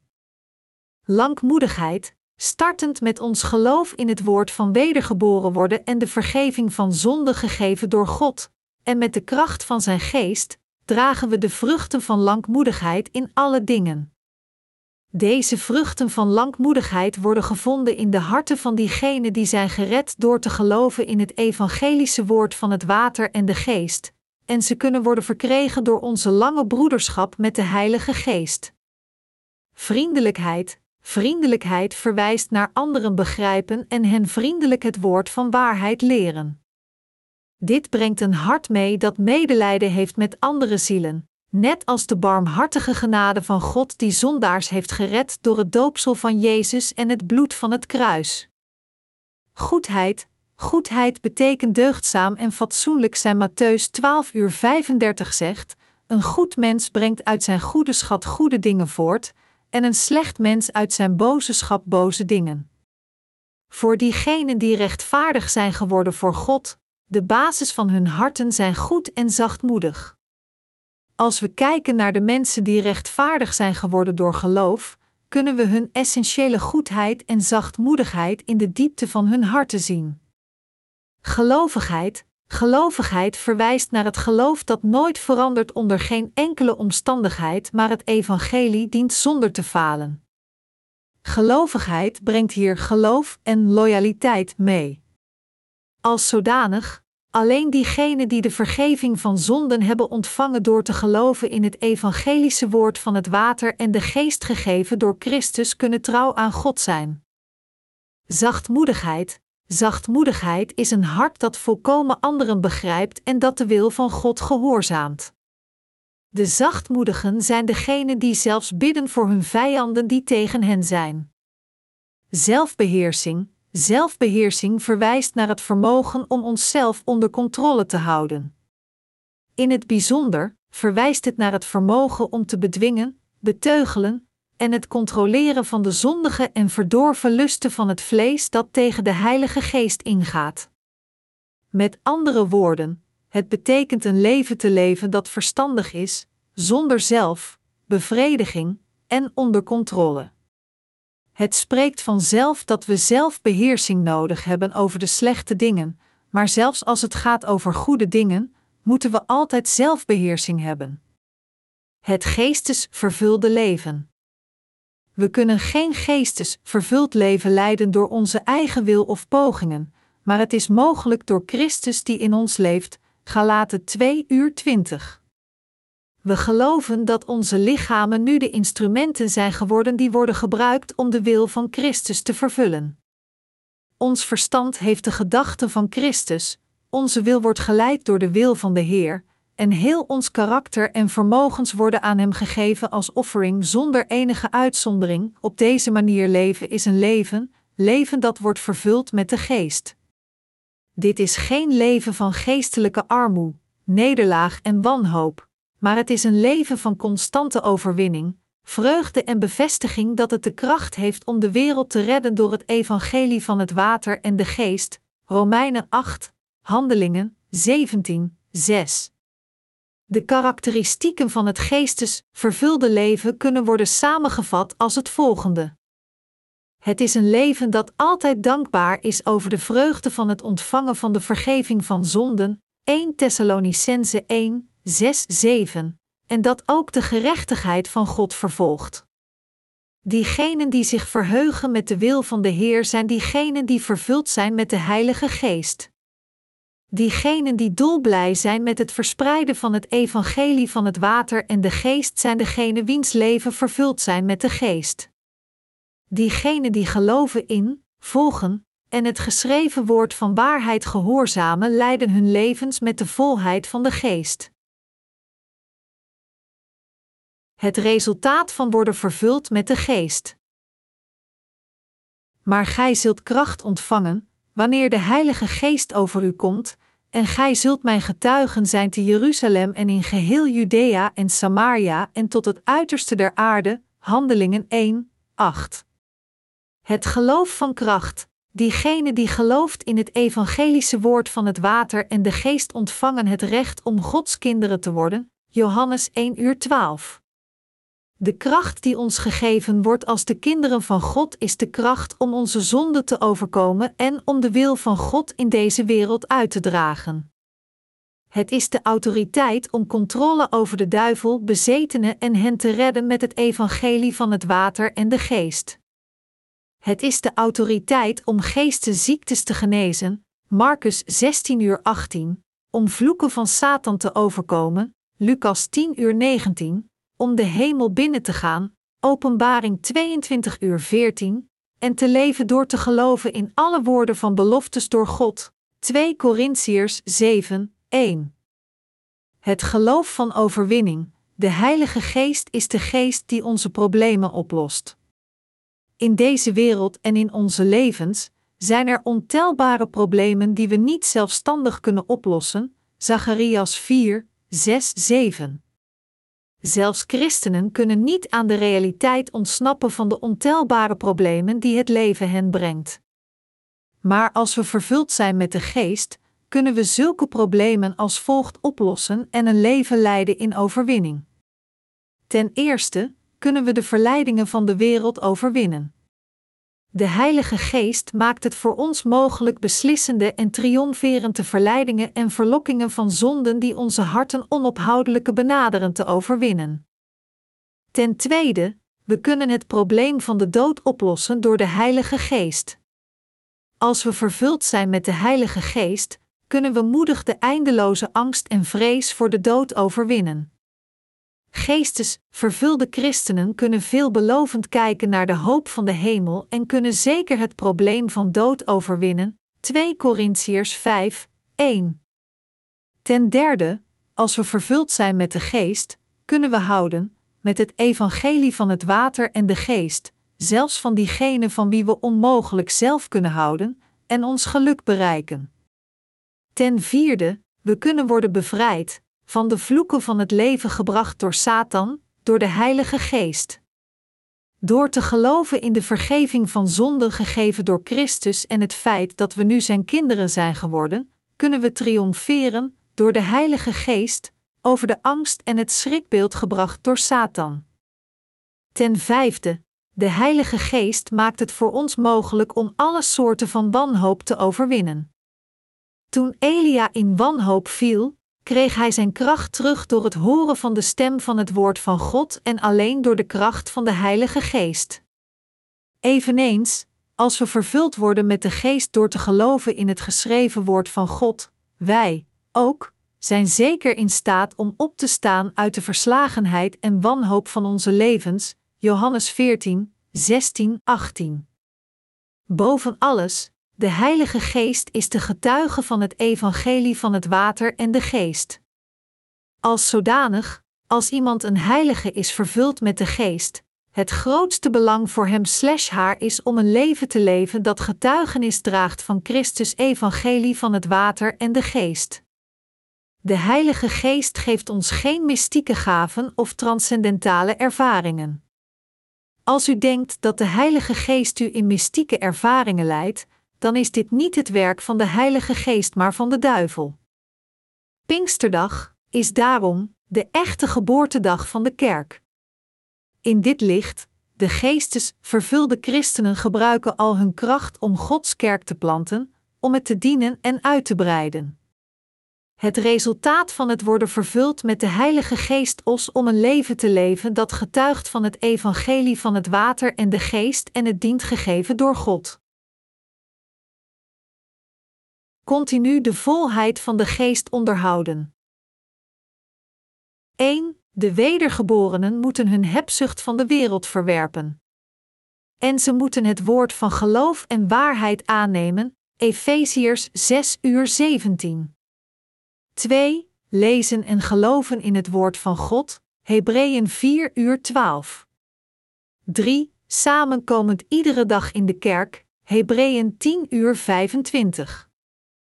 4. Beleid uw zonden en heb geloof in het evangelie van het water en de geest. Psalm 51, 4, 5 en 11, 13.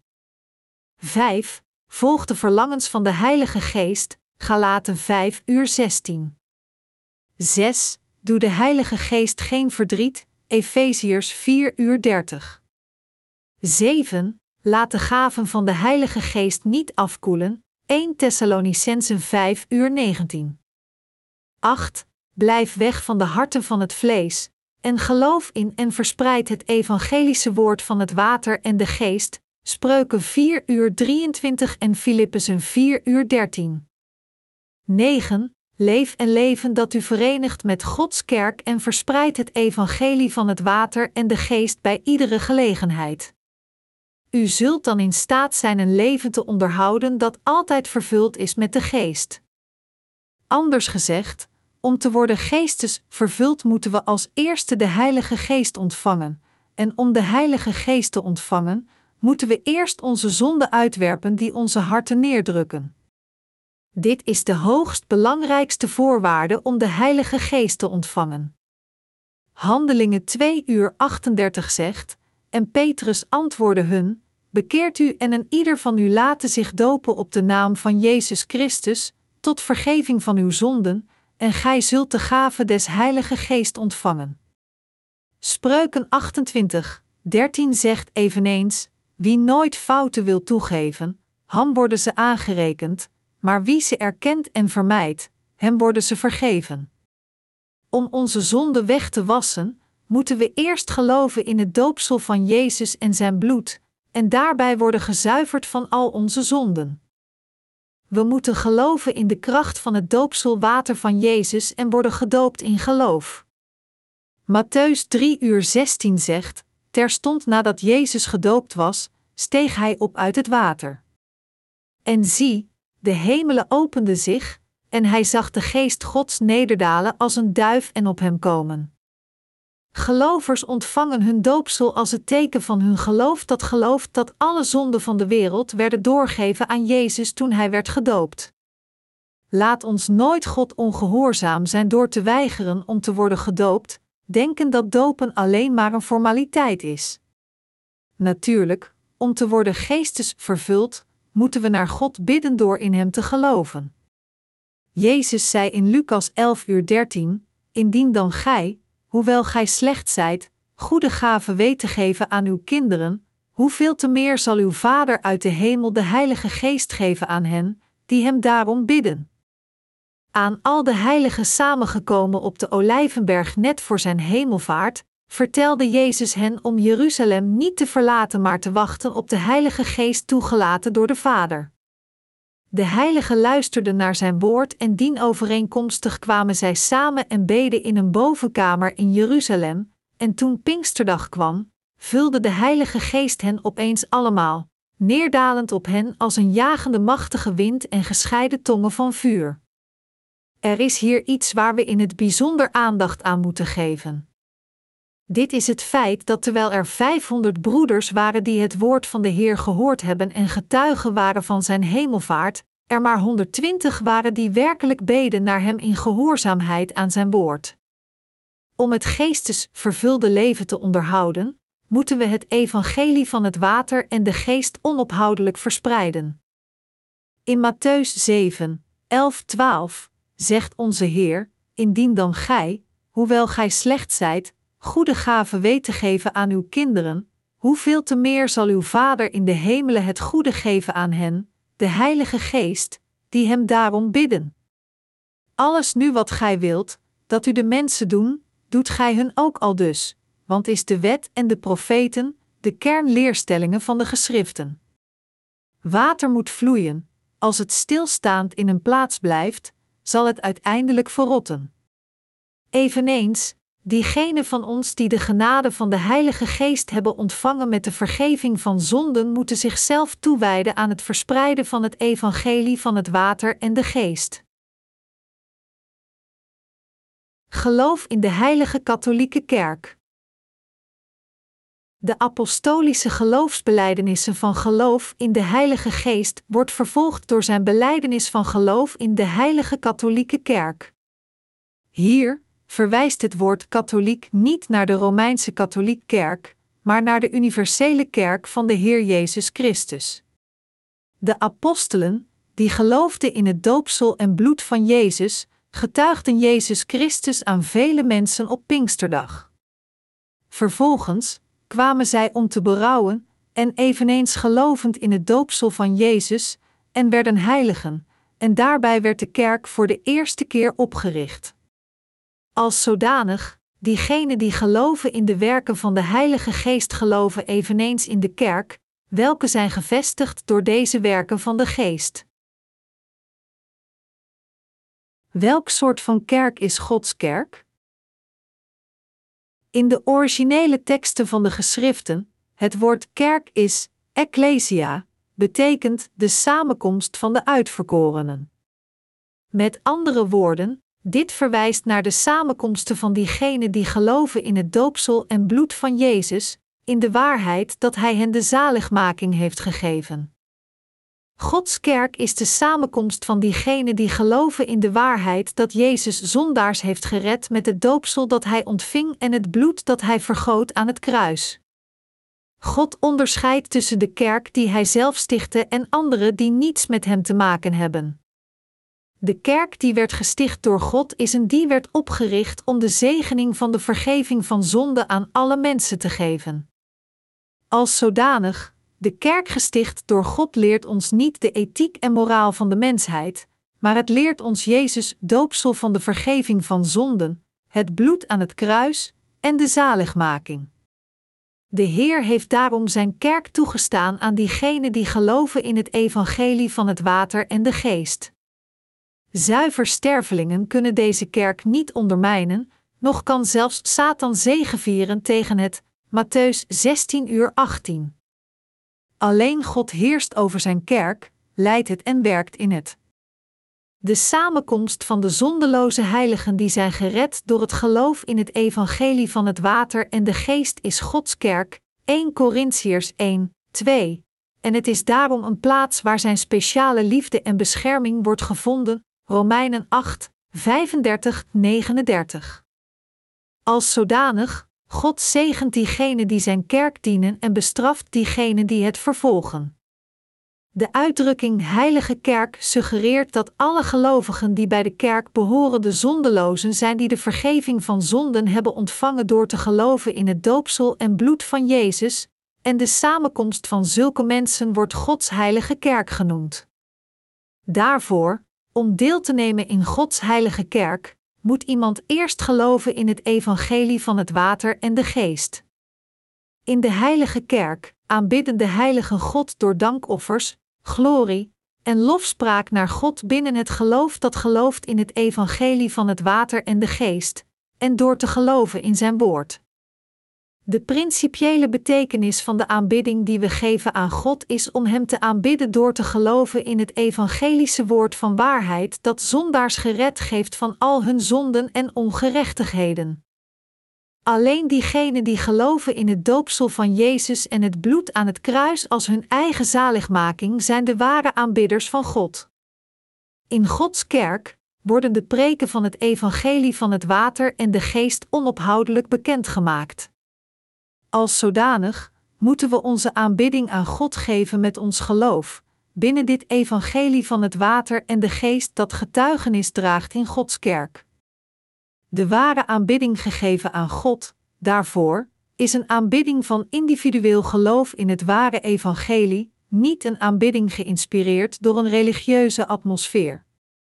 De ware aanbidders aanbidden God altijd in geest en in waarheid, Johannes 4 uur 24.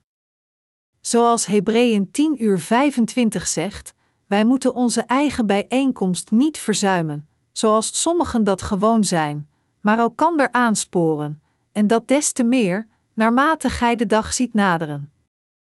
Het is door het doopsel van Jezus en het bloed aan het kruis dat we zijn gereinigd van al onze zonden.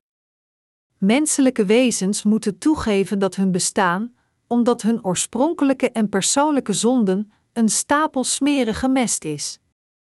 Maar zelfs deze vuiligheid wordt schoongemaakt als het bedekt wordt door sneeuw. Eveneens, als we geloven in het doopsel van Jezus en het bloed aan het kruis als onze eigen zaligmaking, dan kunnen we zondeloos worden.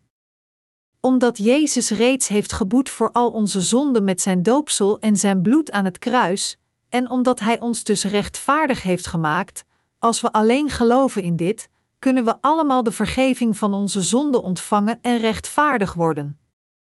Dit is waarom 1 Corinthiërs 1, 2 zegt: aan de gemeente Gods te Korinthe, aan de geheiligden in Christus Jezus, de geroepen heiligen met alle, die allerwege de naam van onze Heer Jezus Christus aanroepen, hun en onze, hier. We geloven dat we rechtvaardig geworden zijn door te geloven in het doopsel van Jezus en het bloed aan het kruis als de vergeving van zonden, en dat het is door dit geloof dat we de hemel binnengaan. Iedereen die gelooft in deze waarheid kan het koninkrijk van God binnengaan, ongeacht wie hij slash zij mag zijn, het zij van het oosten of het westen, man of vrouw, oud of jong, rijk of arm, bevoorrecht of niet bevoorrecht, kundig of onwetend. Een ballonverkoper was witte ballonnen aan het laten zweven in de lucht. Een zwart meisje benaderde hem en vroeg: Kunnen zwarte ballonnen ook zweven in de lucht? De verkoper antwoordde: Natuurlijk. Wie gelooft in Jezus, ware evangelie, kan de hemel binnengaan. Er is geen verschil, Romeinen 3 uur 22, Galaten 3 uur 28. Maar voor God kan niemand die zonden in zijn slash haar hart heeft ooit opstijgen naar de hemel. Zelfs als iemand in Jezus op de een of andere manier gelooft, als hij slash zij nog steeds zonde heeft, dan kan deze persoon niet opstijgen. Echter, omdat God reeds al de zonden van de mensheid heeft vergeven met het evangelie van het water en de geest, iedereen die weet en correct gelooft in Jezus kan de hemel binnengaan. Waarom? Omdat hij slash zijn niet langer zonden heeft. Iedereen die gelooft in het doopsel dat Jezus ontving van Johannes en het bloed van het kruis als de zaligmaking van al zijn slash haar zonden kan de hemel binnengaan door geloof. Als Jezus onze zielen meeneemt naar de hemel, is dit mogelijk omdat we geen zonde meer hebben. Onze Heer is almachtig. Als zodanig, het begin, het verloop en het resultaat zijn allemaal hetzelfde. Onze daden zijn onvolmaakt tot de dag dat we zijn koninkrijk binnengaan. Maar de werken van de Heer, zijn doopsel en het bloed aan het kruis, is perfect voor eeuwig en heeft ons heilig gemaakt. Dit is waarom Efeziërs 1, 4 zegt: Hij heeft ons immers in hem uitverkoren voor de grondlegging der wereld, opdat wij heilig en onberispelijk zouden zijn voor zijn aangezicht, en 1 Thessalonicensen 5 uur 23 zegt, en Hij, de God des vredes, heilige u geheel en al, en geheel uw geest, ziel en lichaam mogen bij de komst van onze Heer Jezus Christus blijken en alle delen onberispelijk bewaard te zijn. Geloof in de Heilige Communie. Wat is de Heilige Communie? Diegenen die de zaligmaking van al hun zonden hebben ontvangen door te geloven in de waarheid dat Jezus God zelf is, en in het doopsel dat Hij ontving en het bloed aan het kruis, zij degenen die in de familie van God zijn opgenomen. Zoals Efeziërs 2 uur 19 zegt, zo zijt gij dan geen vreemdelingen en bijwoners meer, maar medeburgers der heiligen en huisgenoten Gods. De rechtvaardigen hebben broederschap met elkander. Er is een noodzakelijke voorwaarde aan de communie van heiligen met God. Voordat we communie houden met de anderen heiligen, moet er eerst de communie zijn met God. Dit is waarom de laatste helft van 1 Johannes 1, 3 zegt: En onze gemeenschap is met de Vader en met zijn Zoon Jezus Christus. Dat is juist. Er moet eerst de communie met de Heer zijn. Voordat er voor ons de communie met de Heer is, moeten we eerst de vergeving van onze zonden ontvangen door te geloven in het evangelische woord van het water en de geest dat Hij ons gegeven heeft. Waarom? Omdat de Heer de Heilige is die zondeloos is. Diegenen die dus de juiste verwantschap met de Heer als eerste hebben door de vergeving van zonde te ontvangen, kunnen het juiste broederschap ook met de andere rechtvaardige personen hebben. De heiligen die gered zijn geworden door het doopsel en bloed van de Heer kunnen verwantschap met God hebben, aan hun bovenste en, aan hun zijden, met hun medeheiligen. De God gegeven zaligmaking maakt het voor ons mogelijk om verwantschap met God te hebben en met de medeheiligen ook. Met andere woorden, door de werken van het doopsel van Jezus en het kostbare bloed aan het kruis, wij, die voorheen Gods vijanden waren, zijn nu gekomen om Hem te dienen als onze eigen Vader door eerst te worden vergeven voor al onze zonden. En bovendien moeten we komen om te vergeven, begrijpen en broederschap met anderen hebben als we toegeven dat de werken van Christus die perfect onze verstopping onder ons verwijderde. De essentiële kern van de heilige communie is het ware evangelie en de ware liefde. Door de gerechtigheid van de zaligmaking van zijn doopsel en zijn bloedvergieten aan het kruis aan diegenen te geven die geloven, verklaarde Jezus: U hebt nu de vergeving van zonde ontvangen. Diegene die ons dat vertelde is de Heer. En hij waarschuwt ons om de Heer lief te hebben en om eveneens in vrede met onze mede-heiligen te leven. De apostel Petrus, die de Heer ongehoorzaam was geweest maar werd vergeven, verklaarde zijn vreugde door te zeggen: Hebt bovenal bestendige liefde jegens elkander, want de liefde bedekt tal van zonden. 1 Petrus 4, 8. Dat is juist. Zoals bomen en gras groeit als men ze water geeft, en de heiligen groeien bij de verwantschap let elkaar, door het woord en door de liefde van God. Van Handelingen 2, 46-47 kunnen we de mooie levens die de heiligen van de vroege kerk hebben geleefd zien, en voortdurend waren zij elke dag eendrachtig in de tempel, braken het brood aan huis en gebruikten hun maaltijden met blijdschap en eenvoud des harten, en zij geloofden God en stonden in de gunst bij het gehele volk. En de Heer voegde dagelijks toe aan de kring, die behouden werden. Niet iedere christenen die beleidt in Jezus te geloven, gelooft werkelijk in de ware Jezus. Dit betekent dat diegenen die niet het evangelie van het water en de geest kennen gegeven door Jezus, en daardoor er niet in geloven, geen heiligen zijn. Als zodanig, de ware vergeving en verwantschap kan alleen mogelijk zijn binnen het water en de geest. Prediker 4, 9, 12 zegt: Want twee weten meer dan één. En als de een valt, kan de ander hem helpen opstaan.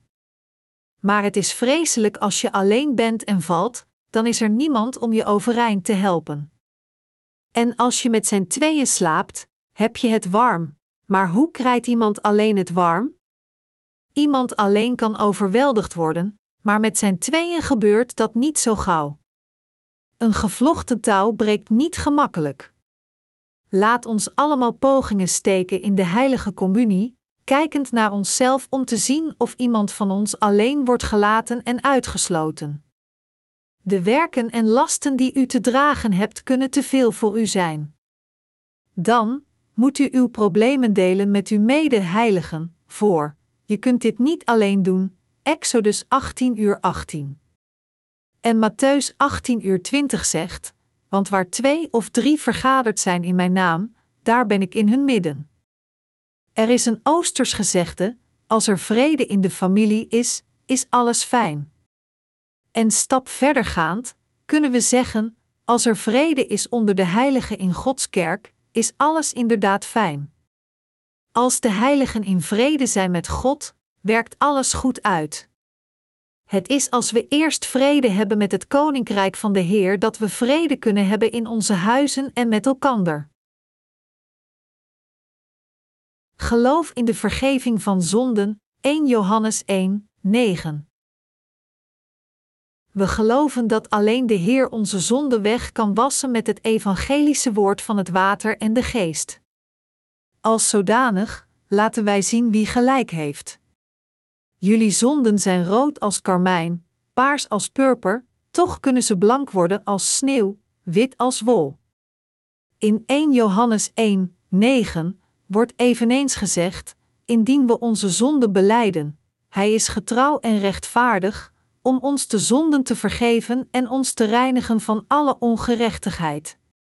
Hier moeten we ons realiseren dat de spreekwijze, als we onze zonden beleiden, niet betekent dat God ons onze zonden vergeeft wanneer we berouwgebeden bidden.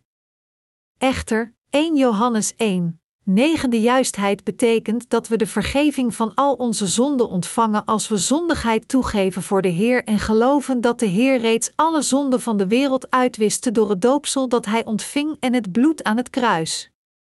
Iedereen die zijn slash haar zonde voor God toegeeft en gelooft in het evangelie van het water en de geest wordt bekleed in de genade van de vergeving van zonde door God. Wat zijn hier de zonden? Iedere afstammeling van Adam wordt geboren met zonden. Daarom kan niemand beweren zondeloos te zijn, door geen zonde te plegen. Voor menselijke wezens, oorspronkelijk geboren met zonden, hebben reeds zonden zelfs als zij geen zonde plegen. Als zodanig, iedereen heeft de Verlosser nodig die hem slash haar van de zonde kan redden. Diegenen die beweren zondeloos te zijn en geen behoefte hebben om in Jezus te geloven, zullen alleen in opstand tegen God eindigen. In het begin creëerde God de hemels en de aarde, maakte de tuin van Eden, en stond Adam en Eva toe om erin te leven. Op deze plaats, waar geen zonde was, had God de meest familiare verwantschap met hen in een persoonlijke relatie. Maar om hen zijn kinderen te maken, had God hen de wet gegeven. De wet was om niet de vruchten van de boom van inzicht in goed en kwaad te eten. God had tegen hen gezegd: Zodra je daarvan eet, zul je sterven. En om hen het eeuwige leven te geven en eeuwige zegeningen, vertelde God hen om de vruchten van de boom des levens te eten. Maar in plaats van de vruchten van de boom des levens te eten zoals God hen had verteld, aten zij de vruchten van de boom van inzicht in goed en kwaad, de boom die hen naar hun zekere dood zou leiden. Genesis 2 uur 17, 3 uur 22. Vallend voor de duivels verleiding, eindigde Adam en Eva ermee dat ze de verboden vruchten van de boom van inzicht in goed en kwaad aten. Dood kwam als de prijs voor deze zonde. Dit is waarom Romeinen 5 uur 12 zegt: Daarom gelijk door één mens de zonde de wereld is binnengekomen en door de zonde de dood, zo is ook de dood tot alle mensen doorgegaan, omdat alle gezondigd hebben. Als zodanig, menselijke wezens hadden nu hun verlosser nodig. Sommige mensen zijn zelfbewust, zoals de rijke jonge man in Matthäus 19, dat zij zich aan alle geboden van God sinds hun kinderjaren hebben gehouden. Maar er is niemand die zich ooit aan alle 613 geboden van God heeft kunnen houden. Waarom gaf God ons dan de wet, welke we helemaal niet kunnen naleven? De Bijbel zegt dat door de wet we bewust worden van de zonden, Romeinen 3 uur 20.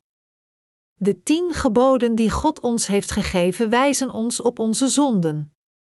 Bijvoorbeeld, iemand haat zijn slash haar eigen ouder, denkend in zijn slash haar verstand, die oude man moet seniel zijn. Deze persoon heeft dan al reeds het vijfde gebod van Gods wet gebroken. En als een man naar een andere vrouw verlangt in zijn gedachten, zelfs als hij niet echt echtbreuk pleegt, heeft hij reeds het zevende gebod gebroken. Bovendien beschouwt God ook hebzuchtigheid, jaloersheid en haat als moord zelfs als we niet echt iemand vermoord hebben, want deze motiveren ons om te moorden. Wie, dan, kan zich ooit compleet houden aan de duidelijke en smetteloze geboden van de wet van God die doordringt in de diepste alkoof van onze gedachtes? Verder, Jacobus 2 uur 10 zegt: Want wie de gehele wet houdt, maar op één punt struikelt, is schuldig geworden aan alle geboden. In dit licht, wie kan er mogelijk beweren om zondeloos te zijn voor deze strikte wet van God?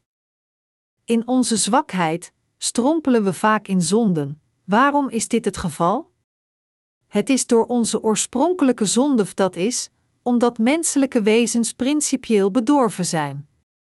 Dit is waarom David, berouwhebbend van zijn zonde om het zevende gebod gebroken te hebben, zei in Psalm 51, 5: Ik was al schuldig toen ik werd geboren, al zondig toen mijn moeder mij ontving.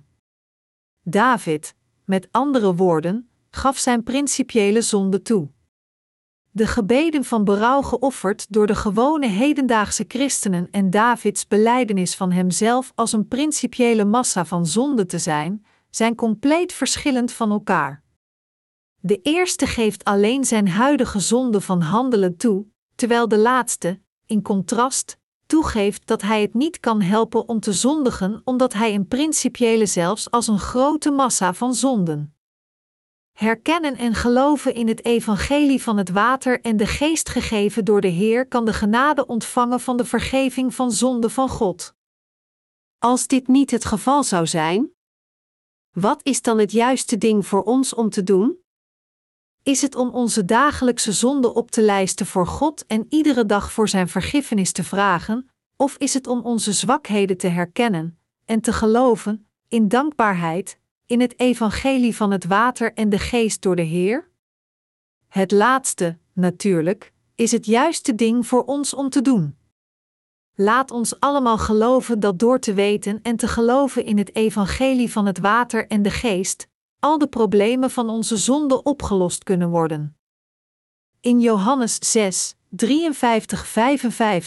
zegt Jezus: Voorwaar, voorwaar, ik zeg u, tenzij gij het vlees van de zoon des mensen eet en zijn bloed drinkt, hebt gij geen leven in uzelf.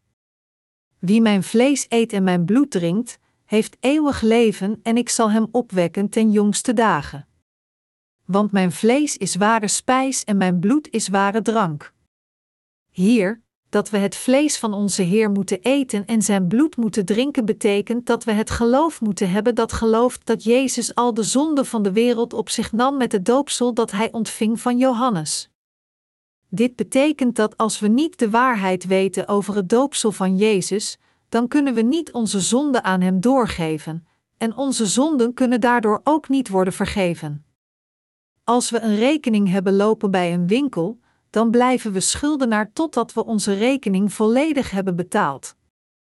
Evenzo, als we zeggen dat er geen doopsel was dat Jezus ontving van Johannes, de vertegenwoordiger van de mensheid, toen hij naar deze aarde kwam, dan kunnen we nog zeggen dat onze zonden zijn vergeven. Matthäus 3 uur 15, 11, 11, 13.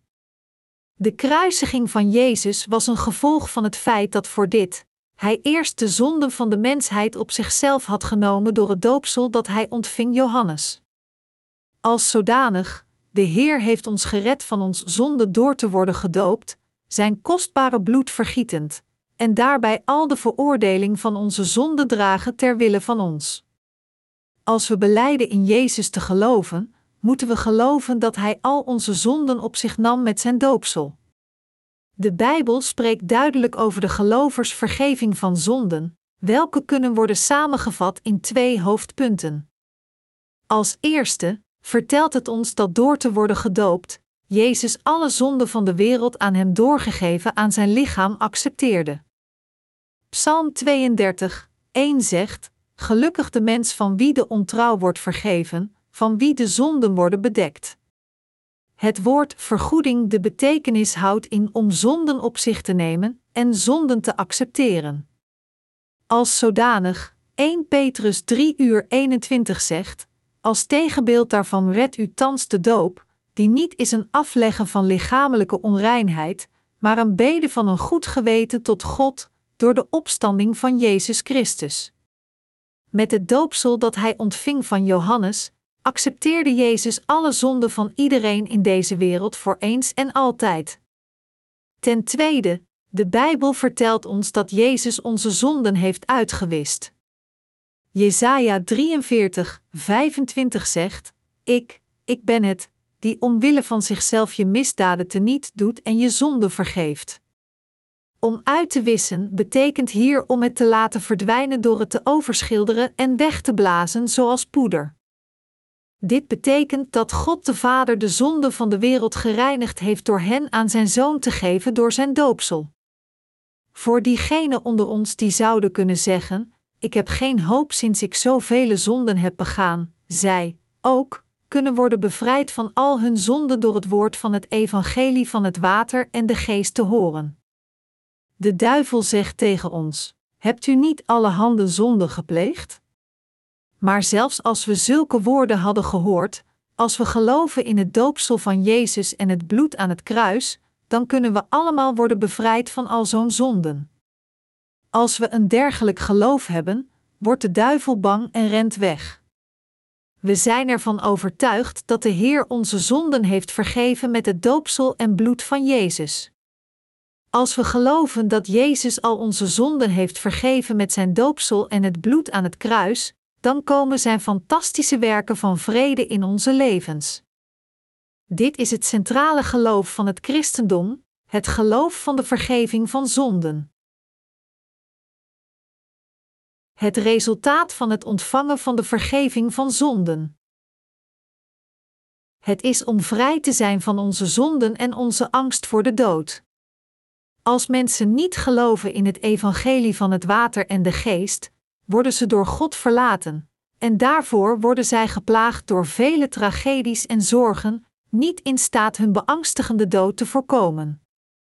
Als zodanig hebben menselijke wezens hun uiterste gedaan om te worden gered van hun zonden en de dood. Soms keerden ze zich naar de zogenoemde religieuze rituelen gemaakt door hun eigen corrupte zelf, voortdurend vastklampend aan hun berouw, ascetisme en meditatie, alles zonder baat. Maar voor ons die geloven in Jezus als onze Verlosser, zijn doopsel en bloed heeft ons niet alleen vergeven van de zonde van de wereld, maar ze hebben eveneens onze relatie hersteld met God dat voorheen gebroken was, en heeft ons daarbij bevrijd van onze zonden en onze angst voor de dood. Iedereen die gelooft in het evangelie van het water en de geest heeft consequent zo'n bekentenis gemaakt.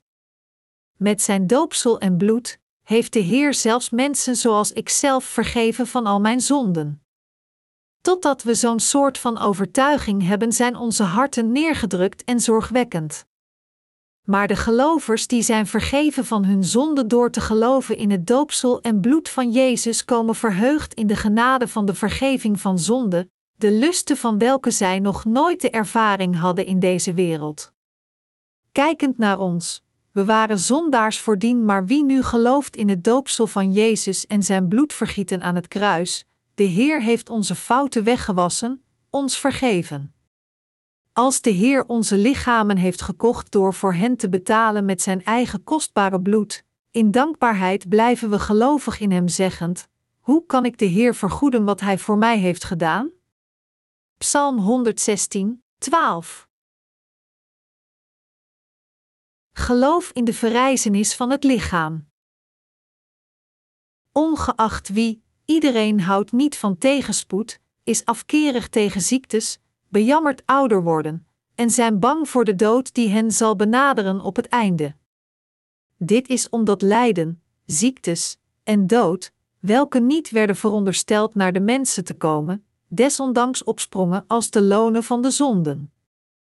Principieel gesproken, omdat de zonde van de vader van de mensheid, menselijke wezens weggedreven heeft van het eeuwigdurende geluk. Dit is waarom mensen eindeloos zoeken naar hun verloren eindeloze leven en toch niet in staat zijn het te bereiken door hun onbekwaamheid, kijkend naar het alsof het een onbereikbare foto was en uiteindelijk bezwijken aan hun dood in het einde. Dit is waarom alle menselijke wezens gaan zoeken naar hun zaligmaking bij iemand anders dan hunzelf, beleidend: Ik, ellendig mens. Wie zal mij verlossen uit het lichaam deze doods? Romeinen 7 uur 24. Het antwoord op deze uitroep is het laatste deel van de apostolische geloofbelijdenissen, dat is, is de belijdenis van geloof in de verrijzenis van het lichaam en het eeuwige leven. Matthäus 16 uur 26 zegt: Want wat zou het een mens baten, als hij de gehele wereld won, maar schade leed aan zijn ziel?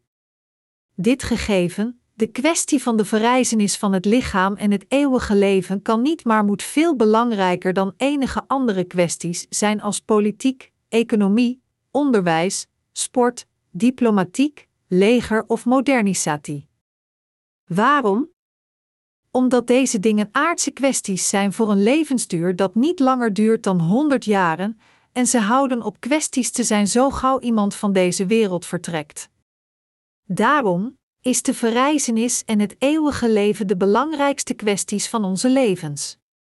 Diegene die naar het definitieve antwoord van het probleem van de dood zoekt zijn wijs, zonder de laatste richting van leven te kennen, kan niemand de weg naar het ware leven vinden.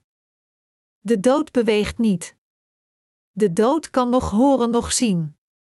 Voor hen, hun kennis, wijsheid, roem, rijkdom, macht, als ook al het andere, heeft niet langer enige betekenis, dat is, zulke dingen zijn niet belangrijk voor hen. Als men gecremeerd wordt, worden hun lichamen veranderd in as, en als men begraven wordt, rotten ze weg onder de grond. Dood is de meest beangstigende gebeurtenis die iedereen aanschouwt. Maar de afschuw voor de dood verdwijnt in de kracht van de zaligmaking die Jezus ons gegeven heeft. Deze waarheid wordt gevonden in het evangelie van het water en de geest. In Lucas 8 uur 52 zegt, weent niet, zij is niet gestorven, maar zij slaapt, en hij liet toen Jairus, dochter, opstaan. Jezus ziet de dood van de uitverkorenen, dat is, van de gelovers, als hun scheiding van God lichamelijk en voor een tijd. Echter, hij verklaarde dat zij weer zouden leven door te geloven in het evangelie van het water en de geest.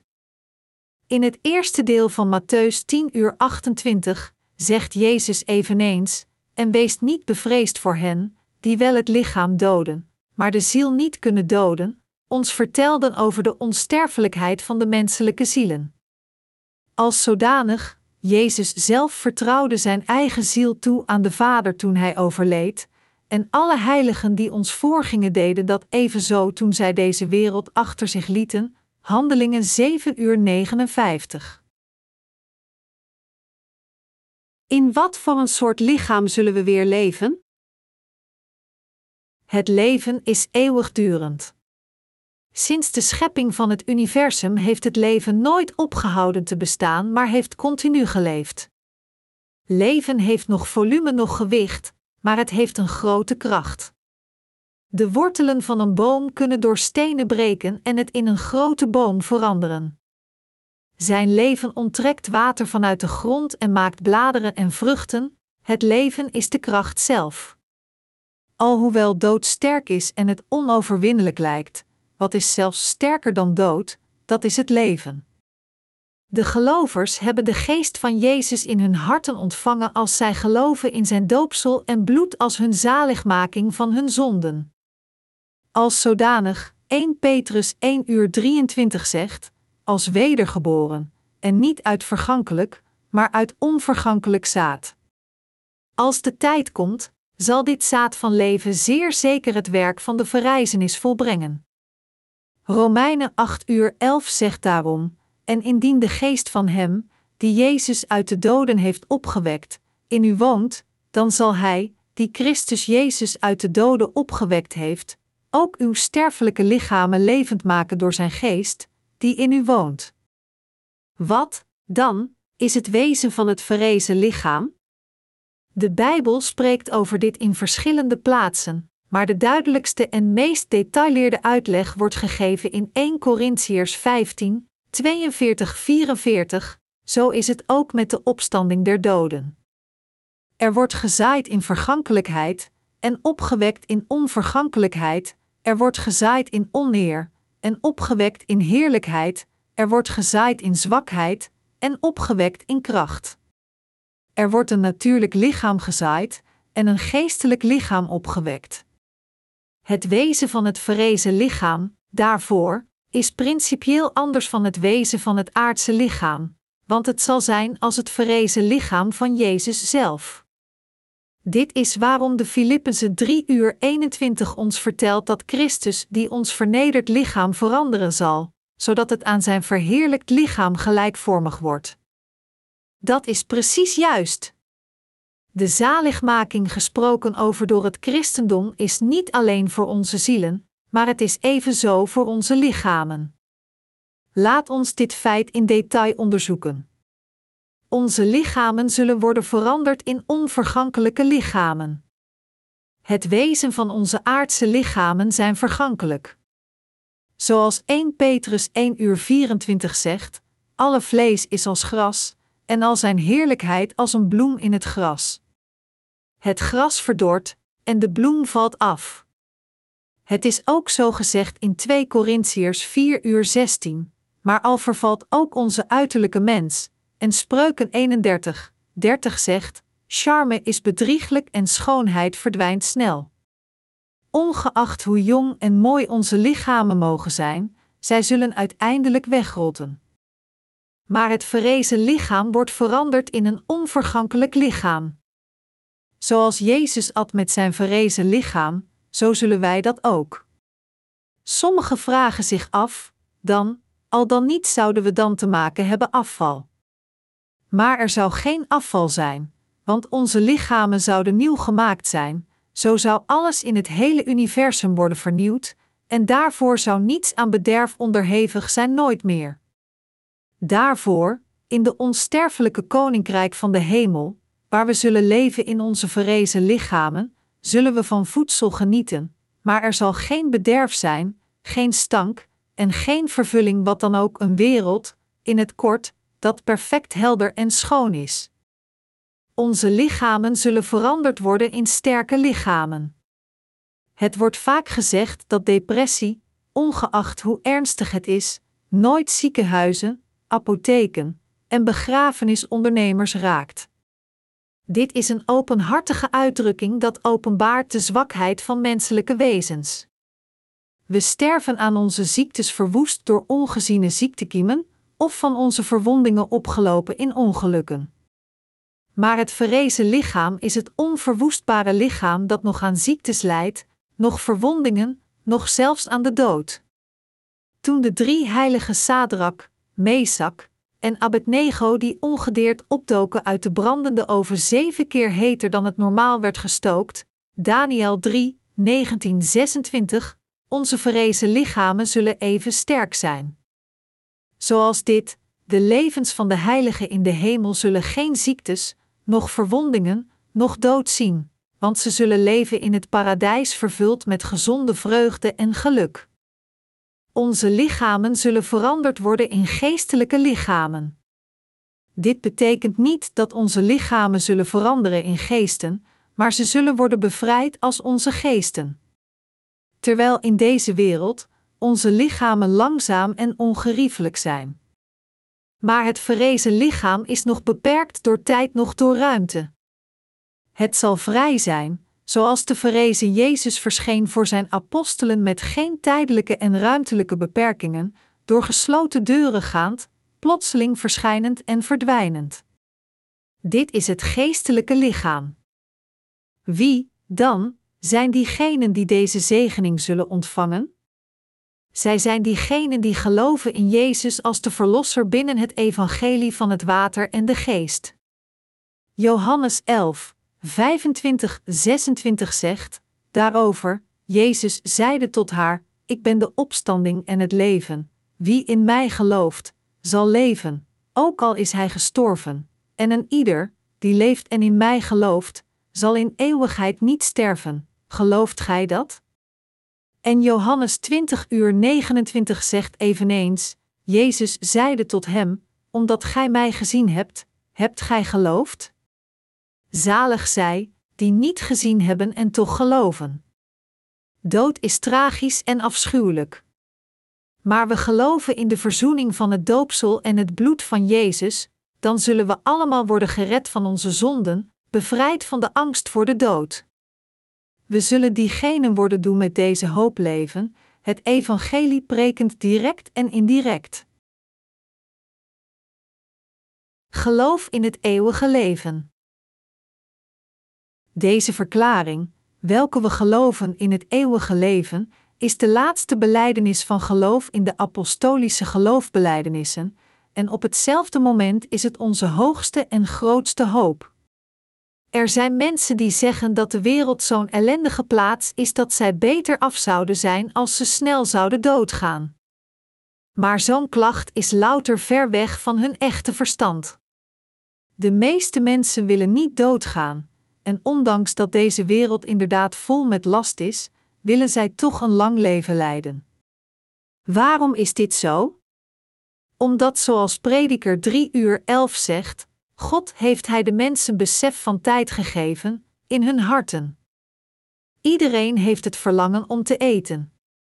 En om dit verlangen te bevredigen, zijn er allerhande soorten voedsel beschikbaar voor hen. Mensen willen ook niet alleen leven, maar zij verlangen instinctief naar het andere geslacht. Dit is waarom er mannen en vrouwen zijn. Zoals dit, de reden waarom mensen het instinct hebben om naar het eeuwige te zoeken is omdat er een eeuwig hiernamaals is. Het schijnt dat ondanks mensen geloven in de onsterfelijkheid van hun zielen, alleen een paar geloven in de onsterfelijkheid van het vlees. Maar met de vooruitgang in de wetenschap hebben we de ontdekking gedaan van de wet van vastheid van massa, dat is, terwijl materiaal kunnen veranderen in hun vorm, in hun substantie veranderen ze niet. Water, bijvoorbeeld, blijft in zijn vloeibare vorm bij kamertemperatuur, maar als de temperatuur daalt, verandert het in ijs, en als het wordt verwarmd, verdampt het in gas. Maar dit betekent niet dat het water verdwijnt, maar alleen dat het in zijn vorm veranderde. Zoals dit, als onze lichamen van het vlees sterven, veranderen zij in as als ze gecremeerd worden, en zij ontvinden als ze worden begraven onder de grond. Maar dit zijn alleen chemische veranderingen. Met andere woorden, na de dood verdwijnen onze lichamen niet helemaal, maar zij veranderen alleen in vorm, en hun samengestelde elementen blijven ongeschonden. In het bijzonder, voor het vlees en geesten van christenen, gelijktijdig met hun sterven, worden hun zielen compleet geheiligd en stijgen naar de hemel, terwijl hun lichaam zonder gevoel achterblijft tot de dag dat de Heer terugkomt. Als de Heer terugkomt, worden de doden herbeleefd, ze verrijzen en worden getransformeerd, en zij leven dan voor eeuwig, met hun zielen en lichamen verenigd, in het koninkrijk van de Vader. Jezus zei daarom in Johannes 11, 25-26: Ik ben de opstanding en het leven. Wie in mij gelooft, zal leven, ook al is hij gestorven, en een ieder, die leeft en in mij gelooft, zal in eeuwigheid niet sterven. Als zodanig, het eeuwigdurende leven van menselijke wezens is nooit een droom, maar het is echt en waar. Diegenen die zondeloos zijn geworden door te geloven in Jezus, zullen inderdaad voor eeuwig leven. God is de God van liefde en gerechtigheid. Daarom zegent hij de goede en bestraft hij de slechte. Maar in deze wereld, het lonen van de goeden en de bestraffing van de slechte zijn niet feitelijk juist. Waarom? Omdat menselijke wezens niet gemaakt zijn om alleen maar in deze wereld te leven en om dan op te houden met bestaan na de dood, maar ze zijn gemaakt om eeuwig te leven in de volgende wereld. Dit is waarom Jeremia, een dienaar van God, hem vroeg: Maar toch wil ik u een vraag stellen over uw rechtvaardigheid? Waarom gaat het mensen voor de wond die met u geen rekening houden? Jeremia 12, 1. Jeremia dan volgt zijn vraag door te zeggen: sliep die trouweloze mensen weg, als schapen naar de slachtbank. Hij geloofde, met andere woorden, in het oordeel van het hiernamaals en beantwoordde zijn eigen vragen. Zoals Jezus in Matthäus 25, 46 zegt: Hun staat een eeuwige bestraffing te wachten, de rechtvaardigen daarentegen het eeuwige leven. Er is geen misverstand dat menselijke wezens niet alleen in deze wereld leven, maar ook voor eeuwig in het hiernamaals. Wat wordt er bedoeld met zielen ontvangen het eeuwige leven? Dit betekent om met God voor eeuwig te leven. Alleen de enige levende God van de Vader, de Zoon en de Heilige Geest, die altijd zijn geweest en altijd zullen zijn voor eeuwig, heeft het eeuwige leven. Als zodanig, de ware betekenis van het eeuwige leven is om deel te nemen in Gods leven. Dat is juist. Wat de hemel voor ons een paradijs maakt, is het feit dat God, de wortel van alle zegening, bij ons zal zijn. Het is een plaats waar alleen diegenen die de vergeving van zonden hebben ontvangen door te geloven in het doopsel en bloed gegeven door Jezus zullen leven. Openbaring 21, 3-4 zegt daarom: En ik hoorde een luide stem van de troon zeggen: Zie, de tent van God is bij de mensen en hij zal bij hen wonen, en zij zullen zijn volken zijn en God zelf zal bij hen zijn, en hij zal alle tranen van hun ogen afwissen, en de dood zal niet meer zijn, nog rouw, nog geklaag, nog moeite zal er meer zijn, want de eerste dingen zijn voorbij gegaan. Dat is juist. Als er zoiets is als het eeuwige leven zonder God, kan het alleen maar het eeuwige lijden van de hel zijn.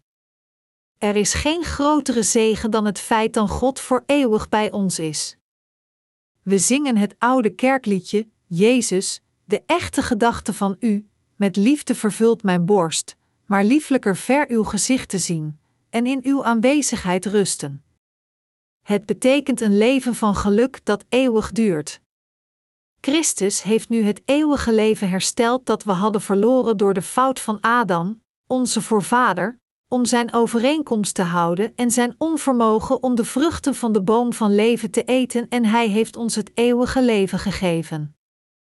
In Openbaring 22, 1-2 getuigt Johannes, en hij toonde mij een rivier van water des levens, helder als kristal, ontspringende uit de troon van God en van het Lam. Midden op haar straat en aan weerszijden van de rivier staat het geboomte des levens, dat twaalfmaal vrucht draagt, iedere maand zijn vruchtgevende. Leven aan de kust, ik leef aan de kust, ik leef waar de helende waterstromen, leven aan de kust, ik leef waar de helende waterstromen. Het betekent eeuwig leven zonder enige zonden. Door de religieuze corruptie dat heeft geleid tot de vervolging van christenen door afgodendienaars en hun onderdrukking door godlogenaars, door de politieke corruptie dat heeft geleid tot de tirannie van de machtigen en onbeteugelde laster en in de rug steken, en door de morele corruptie dat heeft geleid tot een eindeloze stroom van obsceniteiten, fraude, diefstal, roof, geweld en moord, blijft deze wereld constant onbestendig. Maar het eeuwige leven in de volgende koninkrijk van de hemel wordt geleefd in een domein waar zulke booraardigheden allemaal geëlimineerd zijn, en welke is vervuld met alleen vrede en gerechtigheid. Vandaar 2 Petrus 3 uur 13 zegt: Wij verwachten echter naar zijn belofte nieuwe hemelen en een nieuwe aarde, waar gerechtigheid woont omdat God niet alleen het slechte wil elimineren van deze wereld, maar ook onze blijvende corruptie, zullen we allemaal leven in het geluk van het eeuwige leven in de hemel van vrede, waar zonden ons niet langer zullen lastigvallen. Alleen diegenen die zijn wedergeboren uit water en de geest kunnen zich verheugen op zo'n eeuwig leven. Woorden kunnen niet de zuivere schoonheid en glorie van de hemel beschrijven, en zo beschrijft de Bijbel hem aan ons alleen symbolisch. Openbaring 21, 2 beschrijft de hemel als getooid als een bruid die voor haar man versierd is, en vers 11 vertelt ons dat het de glorie van God heeft, wiens glans geleek op een zeer kostbaar gesteente, als de kristalheldere diamant. Vers 18 zegt dat, en de bouwstof van haar muur was diamant, en de stad was zuiver goud, gelijk zuiver glas, en vers 21 zegt dat, en de twaalf poorten waren twaalf parels, iedere poort afzonderlijk was uit één parel. De bruidsversiering, kostbare stenen, puur goud, en parels, al deze dingen beschrijven het beste in aardse termen, want er is geen andere manier om de hemel beter te beschrijven. Laat ons zeggen dat iemand van uw kennissen een beroemde berg heeft beklommen. Als u hem vraagt hoe deze ervaring was, zou hij kunnen zeggen: Ik kon zelf niet beginnen te beschrijven hoe mooi het was. Het was zo wonderbaarlijk dat geen woord het ooit kan beschrijven. Als woorden zelfs tekort schieten om een berg te beschrijven, hoe konden zij dan ooit de eeuwige glorie van de hemel beschrijven? Het betekent eeuwige leven hebben verwantschap met God in perfect geestelijk vermogen.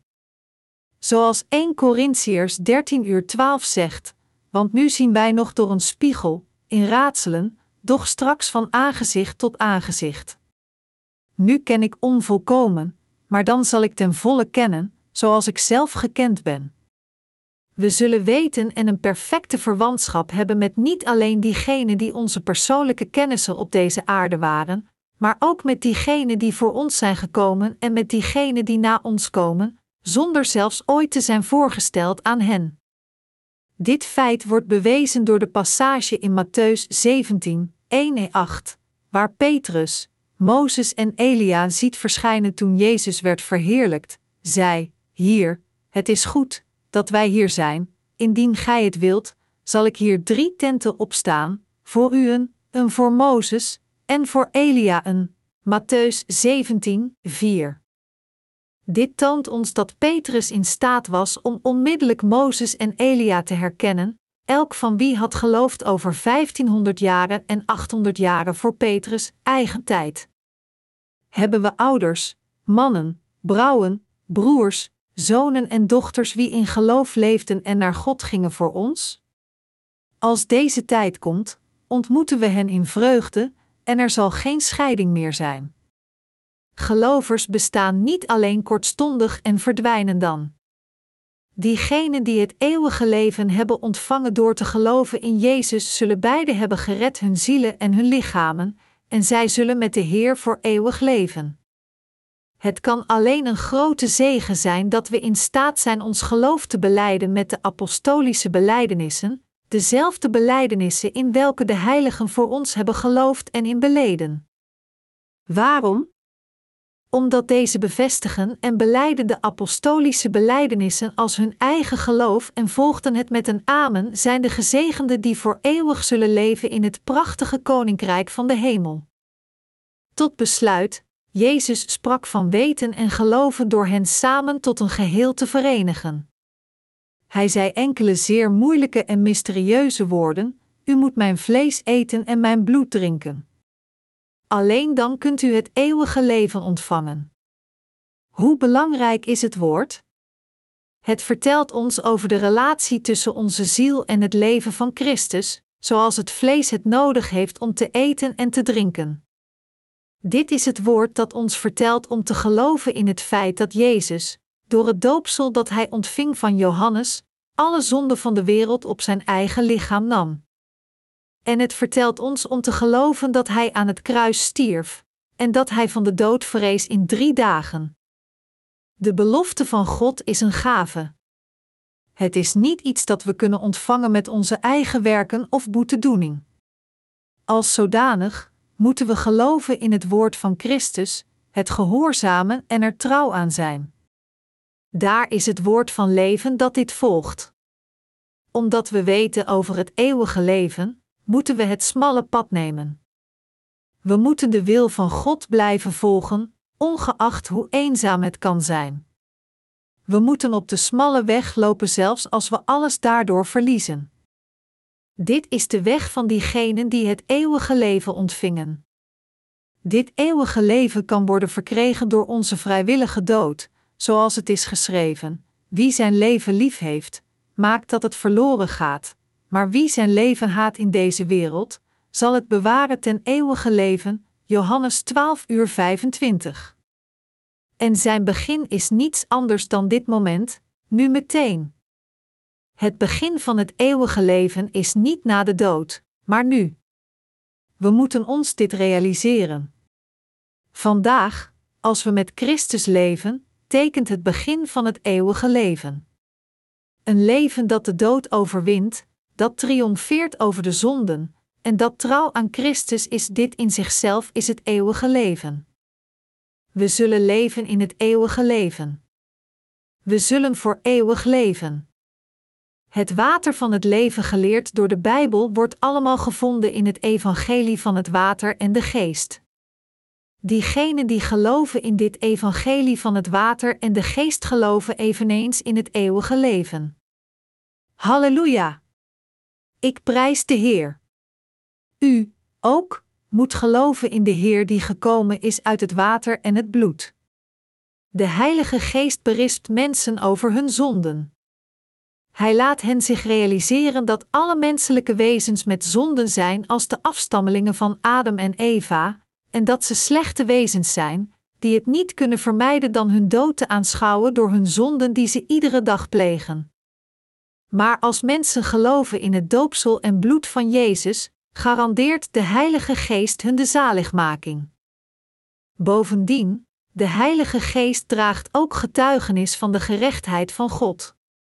Hij veroordeelt de zondaars, berispt en bestraft diegenen die niet geloven in het evangelie van de vergeving van zonde van de mensheid dat Jezus heeft vervuld, dat is, in het doopsel en bloed van Jezus als hun vergeving van zonden.